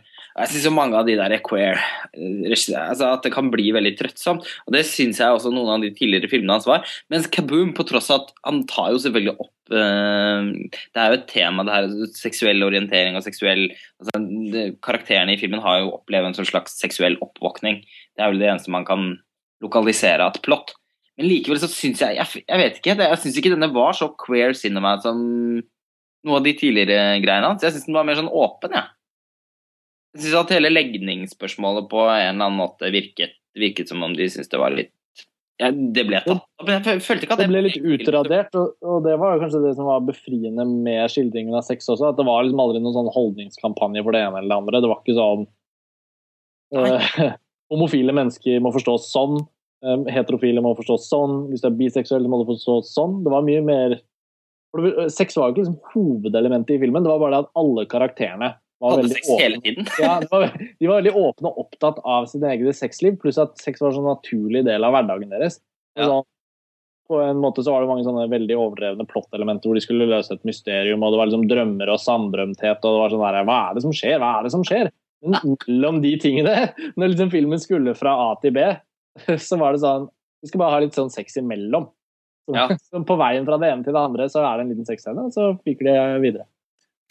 Og jeg, så, og det, jeg synes også var forfriskende med den, at det var ikke noe sånn 'Å, stakkars de homofile', eller 'stakkars den biseksuelle som ikke klarer å velge', bla, bla, bla. Stakkars den lesbiske jenta som ikke har noen venner. Altså, det var, det var ikke noe sånt, da. Det, var, det virket som om alle syntes at alt var helt ok. Ja. Det er en av de få filmene jeg har sett som var så befridd fra sin egen eventuelle liksom, overtematisering. Ja, jeg synes det, det virka som den dret så langt i det, og de sprika i alle retninger, alle sammen. Det var liksom Da vi snakker om det, så slo det meg hvor morsomt det var. Det var flere ganger i filmen hvor jeg bare måtte stoppe opp og, le. Det var ikke noe spesielt morsomt som skjedde. Jeg bare slo meg at liksom, scene på scene hadde bare fylt opp et sånt lager. Bare, Dette er ikke sant! Hva er det de holder på med? Så bare måtte jeg le høyt bare av at jeg satt og så på det. på en måte. Det var liksom bare så Ja, jeg, jeg tror du det, du må jeg, Det høres ut som vi skal se opp for Kaboom. Ja, men det er helt sjukt, da. Ja, den er, men derfor er den jo litt fantastisk, da. Ja, ja, ja herregud. Jeg har ikke, jeg har ikke sett på maken. Jeg, på, jeg kan ikke huske det sist. Nei, jeg, den Minte er, meg litt, litt grann om Rules of Attraction. ja, den, Den er, den er, my- men den er mye mer bra, på en måte. Mer sånn, ja, ja, ja, den har ikke dybden som Rules of Attraction har. nei, men, den, men der er det også en sånn veldig bef Der er liksom alle karakterene befridd fra, fra sånne eh, etiketter, seksuelle etiketter. Mm. Det er også veldig fint ved den filmen. Det er jo også det, det er jo en favoritt som jeg og Karsten deler. Rules of Attraction. Det er vel Roger Avery. Ja. Mm. Det er vel på en måte er er på en eller annen måte en av mine favorittfilmer. Litt. jo, Den er helt fantastisk. Eh, Den eh, Ja, men det er Karsten er vel den eneste andre jeg kjenner som er så glad i den filmen. Men har, begge har vel et ganske nært forhold til Brett Easton Ellis sine bøker òg, og det er den beste filmatiseringen av en Brett Easton Ellis-bok. Det tror jeg ikke det kan være noe tvil om. nei, utvilsomt. Eh, men, og den minner veldig om eh, Kaboom. Så hvis man har sett eh, The Rules of Attraction og liker den filmen, så tror jeg Kaboom er en sånn skråsikker anbefaling. Det eneste er som sagt Ja. dybden da, som, som, uh, som fins i Brett Easton Ellis sitt forelegg da, til The Rules of Attraction, den, den fins jo overhodet ikke i Kaboom. Men eh, til gjengjeld da, så er jo eh, så er jo Greg Araki en enda større visualist da, enn det Roger Avery har. Så klarer å skape et uttrykk som eh, Altså, det, det er ikke en like god film, men den, eh, men den har eh, Den har et, et visu, eller liksom en visuell, visuelt helhetsinntrykk som er overveldende, altså. Mm. Noe av det feteste man kan se på kino i år. Hvis den hadde gått på kino, da. Hvis den har gått på kino. Ja, det er fellestrekk. Vi kommer tilbake til det flere, desto flere ting vi snakker om. Ass. Det Ja, det er trist. det er mye sprelsk film, på en måte, som, eh, som det er helt sjokkerende at det ikke kommer på kino. For det er så opplagt at den der kollektive opplevelsen av de filmene hever filmene. Ja, men uh, ja. Hjemmekino er den nye kino, det må vi bare innse. Ja, synes jeg òg. Men da må vi jo liksom dra hjem til hverandre i mye større grad. Jo Ja, koselig det, da. Jo da, jeg synes det er Drikke pils og se film. Det Nei, vi, vi, kan jo vi, kan sitte på, vi kan sitte på Skype mens vi ser, hver, ser filmene hver for oss. Så. Karsten liker ikke å besøke andre. Men Martin, jeg lurer vi må ha, kanskje vi skulle hatt en live filmfrelst en gang. Altså ikke live sånn at folk kan lytte til det live, men at vi kanskje dros hjem til noen og så en film, og så snakket om den i samme rom istedenfor å være på Skype. Mens, ble... mens filmen gikk, sånn at det blir sånn uh, Mystery Science Theater. Slenge ut men- kommentarer og sånn under. Ja. Vi, kan vi kan ta opp introen, ikke sant? og så så, ok, nå skal vi sette oss ned for å se den filmen. Og så diskutere den umiddelbart etterpå. Det har Nei, kult. ja, nettopp. Så ser vi filmen, og så skrur vi på, liksom, og så OK. Ja, Vi gjorde det. Vi satte oss ned rett etter at vi hadde sett en film for første gang uh, i fjor, husker jeg. Ikke, var det Star Trek, eller var det Ja, Det det var, var, noe som det var tidligere i år, det, kanskje? Ja. Jo, ja, det det, var, Eller var det anti... Nei, det var ikke Antichrist, det var en annen film. Um, det var for ett og et halvt år siden, ja. Det var i mai 2009, var det ikke det? ja, da var det nok sikkert Star Trek, da. Må det ha vært. Mm. Det var, ja, det funka bra, det. Vi kunne ha gjort det med en, med en hjemmefilm også. Det er en god idé. La, la oss gjøre det en gang. Ja, det gjør vi. En gang. En gang. Eh, Skal vi ta en sånn eh, Tarkovskij-aften, da, vet du. For vi har jo den Tarkovskij-podkasten som folk maser om. Ja, Ja, ja, men herregud, det er jo en så kjempegod idé. Det må vi snakke litt om. Ja. Eh, god idé. det kan vi gjøre. Var det ikke noe fra lytterne, Martin? Jo, vi har en vi, vi, La oss ta den Ja, men la, en, en lytterepost. La oss uh, lese en liten mail her fra, fra leserne. Uh, fra leserne, sier jeg. Fra lytterne. Eh, d- Doktor Professor har sendt, har sendt oss en mail. Doktor, professor. Pseudonym. Det var et uhyggelig navn. Hei, hei, filmfrelst. Eh, Jeg lurte på om dere hadde hørt om en side kalt flickchart.com. Eh, Hvis dere ikke har det, så anbefales denne til alle filminteresserte. Her kan du lage en profil, og deretter rangerer du filmer, ja. Måten det fungerer på, er at du får opp to filmer, og at du må velge hvem som er best av de to. Deretter får du opp to nye. Etter hvert blir en liste laget over dine favorittfilmer. Dette er en flott måte å se hvilke og hvor mange filmer du har sett. Du får også en viss indikasjon på hvilke filmer som betyr mer for deg enn andre. Eh, Så jeg spør, ja, jeg lurer på hva er brukernavnet deres, hvis dere har hørt om en. Eh, Og når man legger til venner der, kan du lett sammenligne dine favorittfilmer mot dine venners, ja. Mm. Du kan se hvem av dine filmer, hvem av dine venner som liker Alien best, eller hvem som har sett Christopher Nolan sine filmer. Dette er en av mine favorittsider for øyeblikket, mest fordi jeg elsker film og lister. Og her er det ingen grenser for hvordan du kan sette opp listene dine. Mitt brukernavn er Bonfire. Mm. Fortsett med den gode podkasten deres. Håper på flere temapodkaster i fremtiden. Star Wars, kanskje? spør han. det, det, nå lukter det at Ja, tusen takk for mail. Han heter, ja, var, han heter Christian, han doktorprofessor, står der. det var veldig hyggelig, hyggelig mail. da. Veldig hyggelig. Det var hyggelig mail. Det, det blir helt klart flere temapodkaster, bare for å ta det først. Vi har, jo, vi har jo allerede mer eller mindre lova oss bort en Tarkovskij. Det er bare litt sånn eh, Vi må bare få det Vi har avslørt at det er mange av oss som ikke har sett nok Tarkovskij til at vi er klar for det ennå. Hæ? Men kanskje, Har dere ikke sett nok eh, Tarkovskij? kanskje du må invitere på Tarkovskij-kveld, Sivert, så vi får gjort Det det. var, det var jo Altså, Jeg tror vi har hadde, en, vi hadde jo en episode her. Ja. Eh, En, en, eh, en eh, sending hvor vi skulle snakke om favorittfilmene våre. Mm. Og jeg har, Nå hadde jeg jo ikke snakket om det på podkasten før, men jeg, i mitt miljø og da jeg gikk på filmskolen, og sånn, så jeg, var alltid veldig åpen om at Tarkovskij har vært et hull i min filmo, liksom, filmografi, i den forstand filmografi filmer jeg har sett, men et veldig bevissthet, fordi jeg alltid forstått at de filmene kommer til å gjøre så stort inntrykk på meg. De, pass, de er helt opplagt at jeg kommer til å like dem, men jeg vil gjerne se dem på en bra måte. Jeg har ikke lyst til å se dem på slitte VHS-kassetter eller eventuelt på, på DVD. men jeg og nå er de jo tilgjengelig i veldig bra kvalitet, og sånn, men jeg vil gjerne bare se de på riktig måte. Og jeg har ikke hatt helt tilgang på det, rett og slett, så jeg hadde litt uflaks. Og det betyr at jeg har spart, vil jeg heller si, mange Tarkovskij-filmer. Det er ikke det at jeg ikke er bevisst på at de er der, og selvfølgelig burde jeg se dem, men jeg vil se dem på riktig måte. Jeg kan ikke være med på den podkasten før jeg får sett noen, men det er jo en veldig bra, et veldig bra push til å nettopp få sett dem. Da må Men eh, jeg, jeg har, da, Men er, jeg vet ikke, er noen av filmene For jeg har, har, jeg har sett alle filmene til Tarkovskij, og de, jeg, har de på, jeg har de på DVD. Men har, er det noen av de som har blitt sluppet på Blu-ray ennå? Det vet jeg ikke, altså. Jeg har ikke faktisk aldri sjekka. Det hadde jo vært en anledning til at du kunne se dem på en skikkelig måte, i hvert fall, Karsten. Absolutt, men jeg har jo på en måte forestilt meg at eh, det må da for faen holdt jeg på å si, være et cinematek i Norge som snart setter opp en serie. Altså, det er ikke det en sånn jevnlig greie som bør skje omtrent hvert femte år? Du sitter og venter. Ja. Ja, det er litt på. kjørte jo Trondheim Trondheim Filmklubb kjørte jo en sånn serie for en par år siden. Da tror jeg de sendte alle de klarte å få tak i. Ja, Så jeg tror de gjør det av og til, altså. Men, men, men Jeg, jeg må jo si, selv si jeg har alltid sett en film på uh, Tarkovskij-film på kino selv. Jeg har sett uh, flere av de mange ganger på, på, det, uh, på, på DVD. Men, men jeg kunne jo også virkelig tenkt meg Speil, for eksempel, som er en av mine absolutte favorittfilmer. Jeg drømmer jo om å se den på storskjerm. Men Karsten, du vil jo innse, nå som du snart skal kjøpe deg en ny TV, Ja, det, at, at, at det går an å se film hjemme òg. ja da, jeg vet det. Ja. Faen, kanskje jeg skal bare la det gå. Altså. Jeg vet ikke. Men jeg har liksom, siden jeg har holdt på det så lenge, så føles det så dumt å gi det opp. Ja. Men, det- men det, I, verste, I verste fall, herregud, så bare blir jeg jo ikke med på Tarkovskij-episoden. Det er jo mange bra mennesker som er i filmfrelsystemet som kan være med og snakke om film. Ja, det blir det. Si, Sivert har sett mye, Lars Olav har sett mye, Kari har sett mye Tarkovskij. Ja, Det er vel egentlig bare jeg og du som, som, har, eh, som ikke har sett.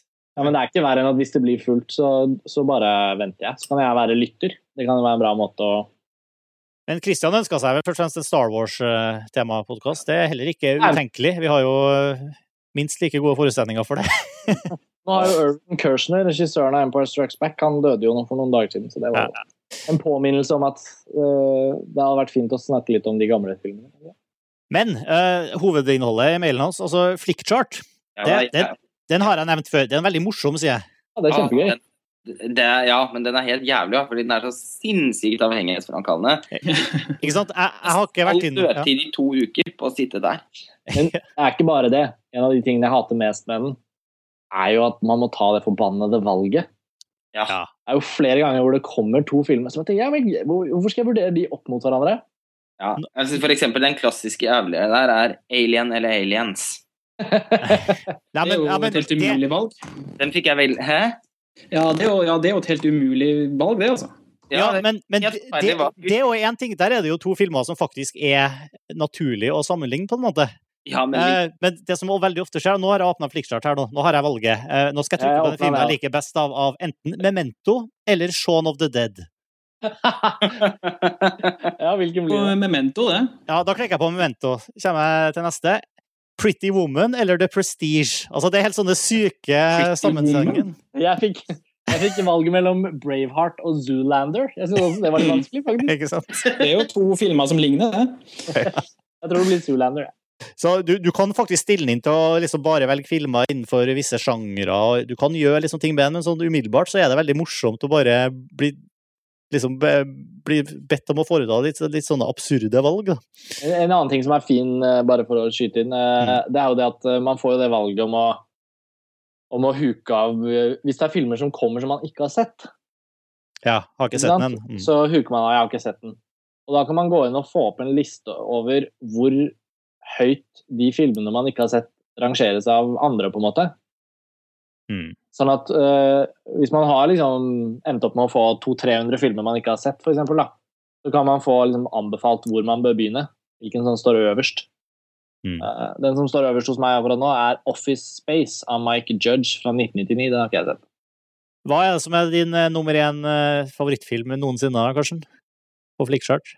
Ja, men altså, jeg har ikke, vært, jeg har ikke gjort det så mye. Jeg har blitt så avhengig at, Har du ikke? eh, Har, har du det, Lars Ole? at jeg tror det Nei, stemmer. vet du hva, jeg, har, jeg, har, jeg husker ikke brukerkontoen min eller noen ting. Jeg, det bare, på et eller annet tidspunkt så sa jeg nei, og så var jeg aldri der inne igjen. Jeg tror det var noe et eller annet som var Det var i hvert fall ikke riktig. Nei, det er det også. Jeg kan godt si hva som er øverst, men det, det rimer jo ikke med virkeligheten. Det er jo veldig mye store Hollywood-filmer. Det er jo mange av de smale, rare klassikerne som aldri dukker opp her. Så da får jo de aldri posisjonert seg. Men blant eh, det som eh, systemet har registrert på meg nå, så er det faktisk ET som ligger øverst. Det er jo en av verdens fineste filmer. Ja, og det er jo faktisk en film det er veldig vanskelig å si at nei. Liksom, Terminator er bedre enn ET, for eksempel. Ja. Det kan den jo ikke være, for det er jo ET som er bedre. Ja, ja. Men, eh, ja, men det er, ET er jo virkelig en av tidenes beste filmer. Og Steve, forts, altså, det er nesten ingen som har laget så mange gode filmer som Steven Spielberg. Da må vi opp på navn som Alfred Hitchcock og Ingmar Bergman og sånn.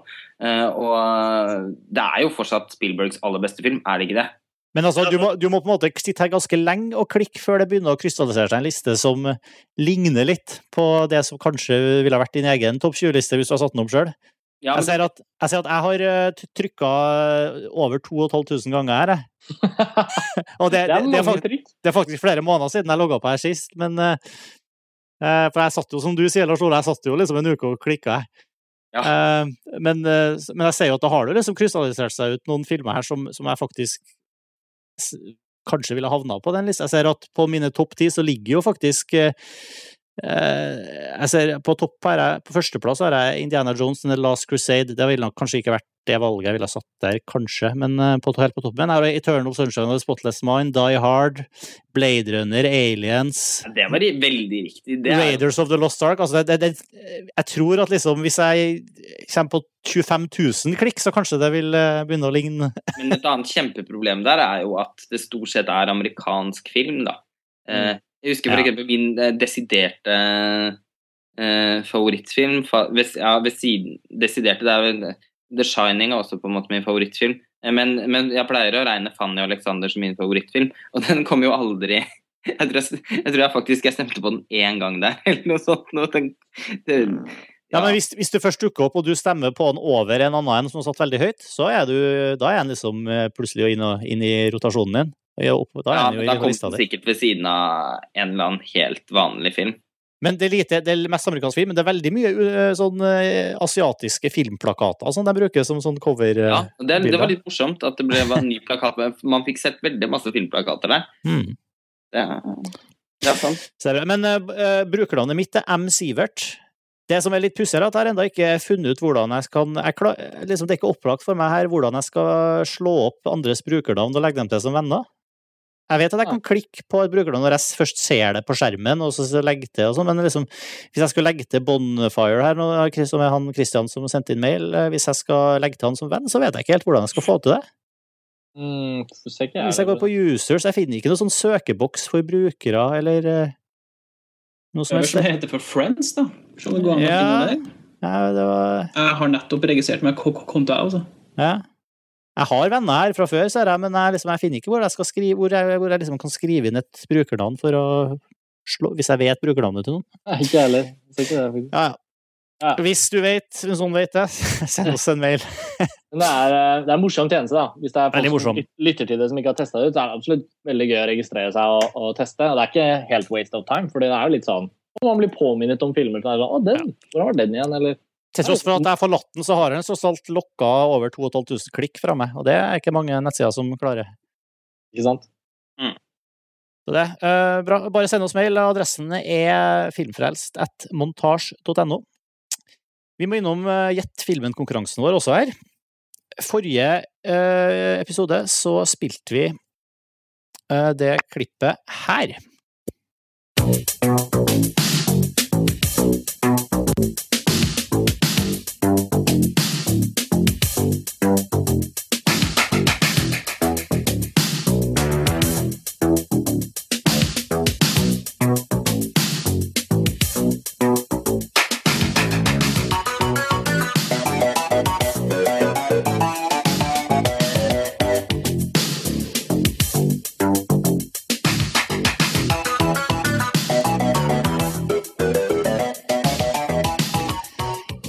Yes, karer! Nå er jeg spent. Er det noe noen av dere drar kjensel på? Altså, har du gått over til eh, Jeg har gått over til musikklipp her jeg, har ikke, jeg har ikke fått hørt meg til slutten av forrige episode, så hadde jeg ikke hørt det før. nei, det er liksom Jeg tenkte at um, når man spille klipp fra filmer, så er det faktisk veldig fort gjort å bare slå opp den dialoglinja man hører på Google, og finne, nesten finne ut hvilken film det er fra. Ja. Så jeg tenkte kanskje det ville være enda mer utfordrende hvis jeg spilte sånn klipp uten eh, dialog i hele tatt. da. Det her er jo en ganske karakteristisk uh, tittelmelodi. Altså, jeg fikk sånn flash til Beverly Hills Cop, men eh, Aha. det er eh, men. Temaet tema i Beverly Hills Cop er jo noe helt annet, men jeg tenkte dette er vel kanskje et annet spor på soundtracket, som er litt mer Ja. sånn Axel Foley går bortover gaten. Ja, du er, men du er så på rett spor, vet du, at det er Komponisten som har skrevet det klippet her, har også skrevet Axel Foley. Ja, hva heter han? og Harold, dette- Harold Faltermeyer. Faltermeyer, ja. Så den, med det, det lydsporet jeg spilte klipp fra, det er fra eh, filmen Fletch, som er Chevy Chase sin, eh, etter min mening, den- beste Chevy Chase-filmen Jeg så den aldri. fra 1985. Var det noen andre som hadde gjettet det riktig, kanskje? Eller jeg, det var jeg som vant premien? Eh, La oss eh, La oss finne vinneren. Det var et godt poeng. Jeg har en vinner her. Det er faktisk en gjentagende vinner her. Jeg er ganske sikker på at Alexander Brukki har vunnet før. Han har T-skjorten allerede. Han har en T-skjorte allerede, men uh, vi må bare følge reglene her. Du var en av de veldig få faktisk, Alexander, som gjetta riktig. Og den eneste av de som gjetta riktig, som uh, faktisk sendte postadresse og T-skjortestørrelse. Du ønsker det, så du skal faktisk få nok en T-skjorte. Den er på vei til deg. Og takk for trofast lytterskap. Og det, nå har jeg, selvfølgelig nederst her at det, han, heter ikke han heter Alexander Bruski. Eh, korrekt uttale. B-r-u-c-k-i. Bruski. Uh, så det. Nytt klipp. Ny konkurranse, nye muligheter. Her er neste, og det er nok en gang så prøver jeg å gjenta suksessen ved å bare spille musikk.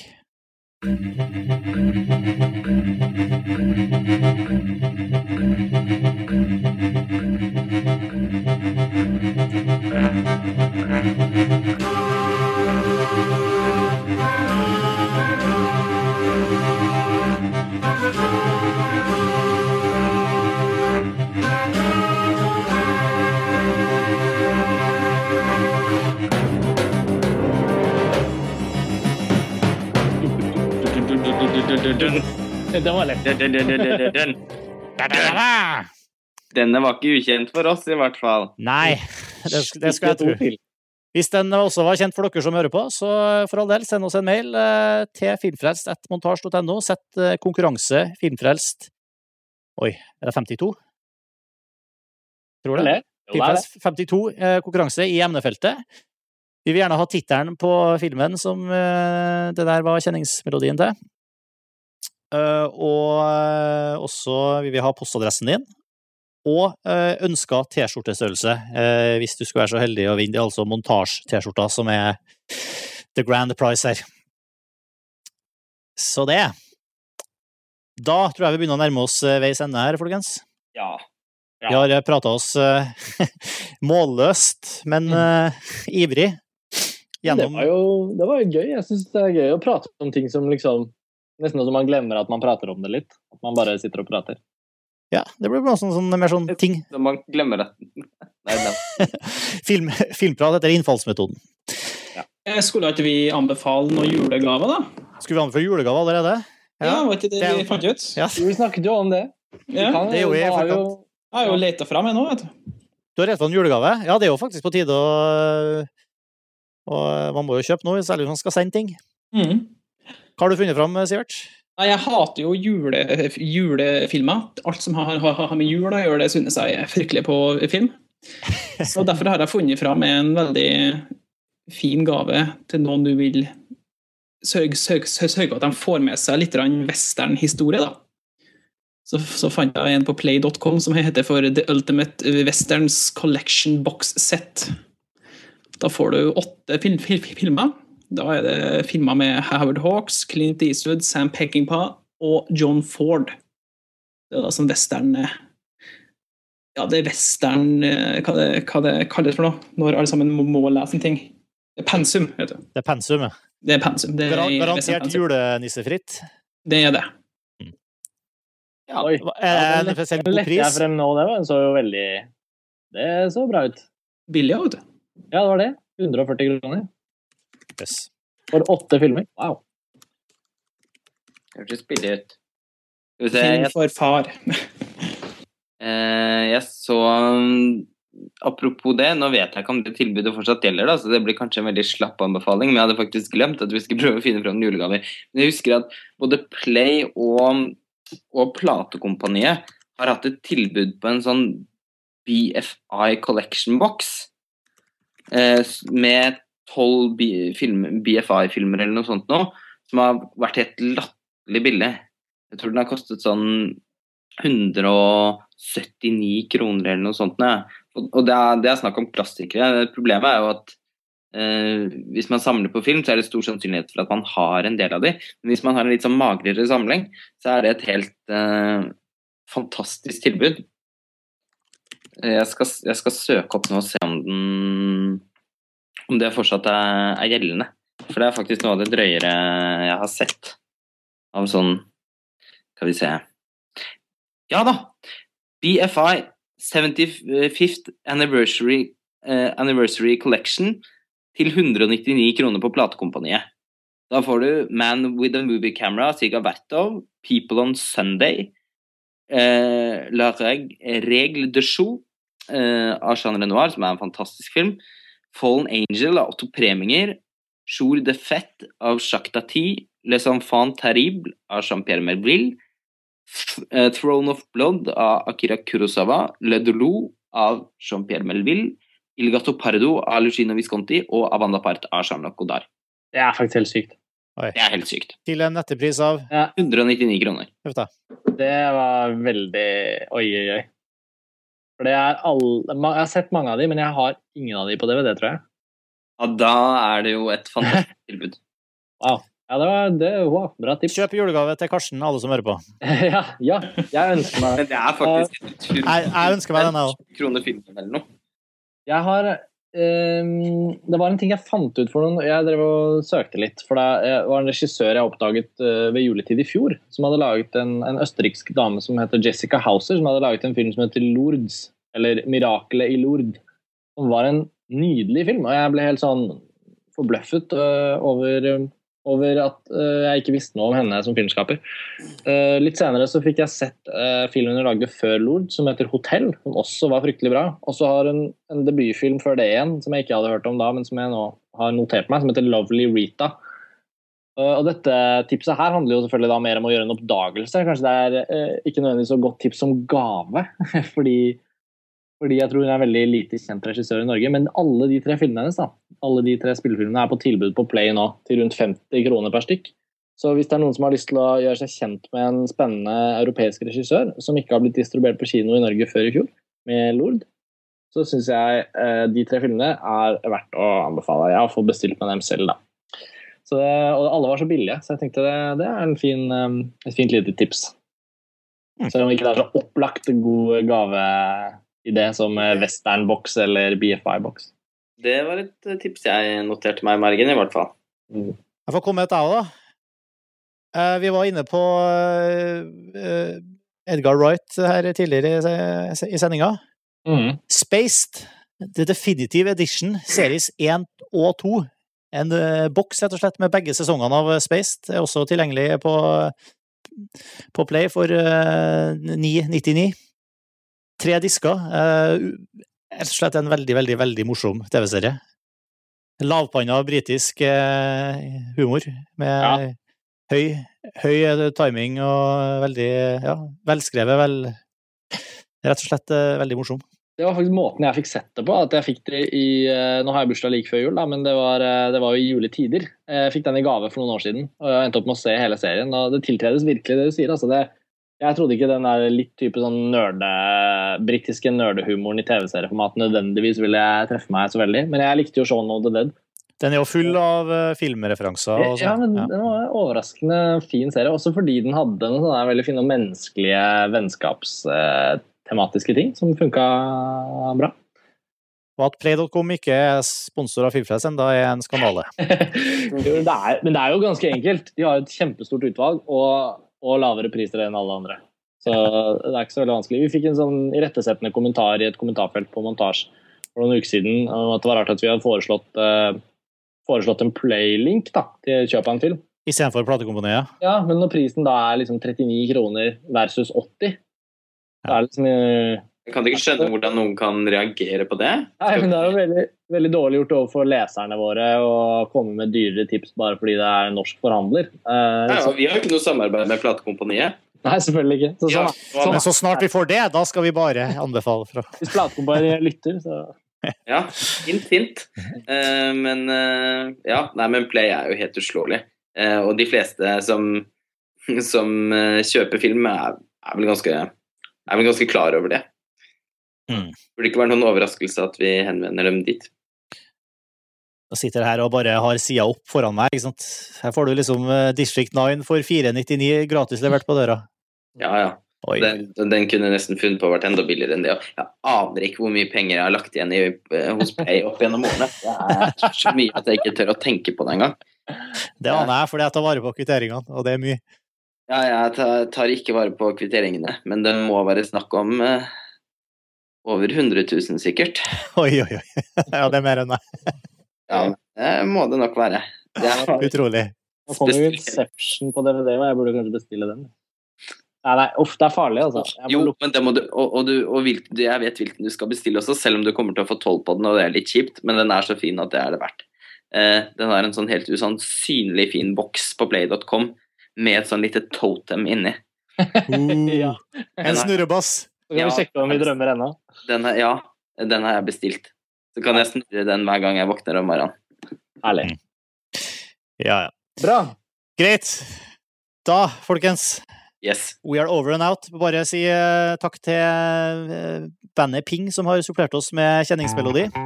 Og den Ja. kommer nå. Vi høres. Takk for laget, folkens. Ha det bra. Bra. Ha det.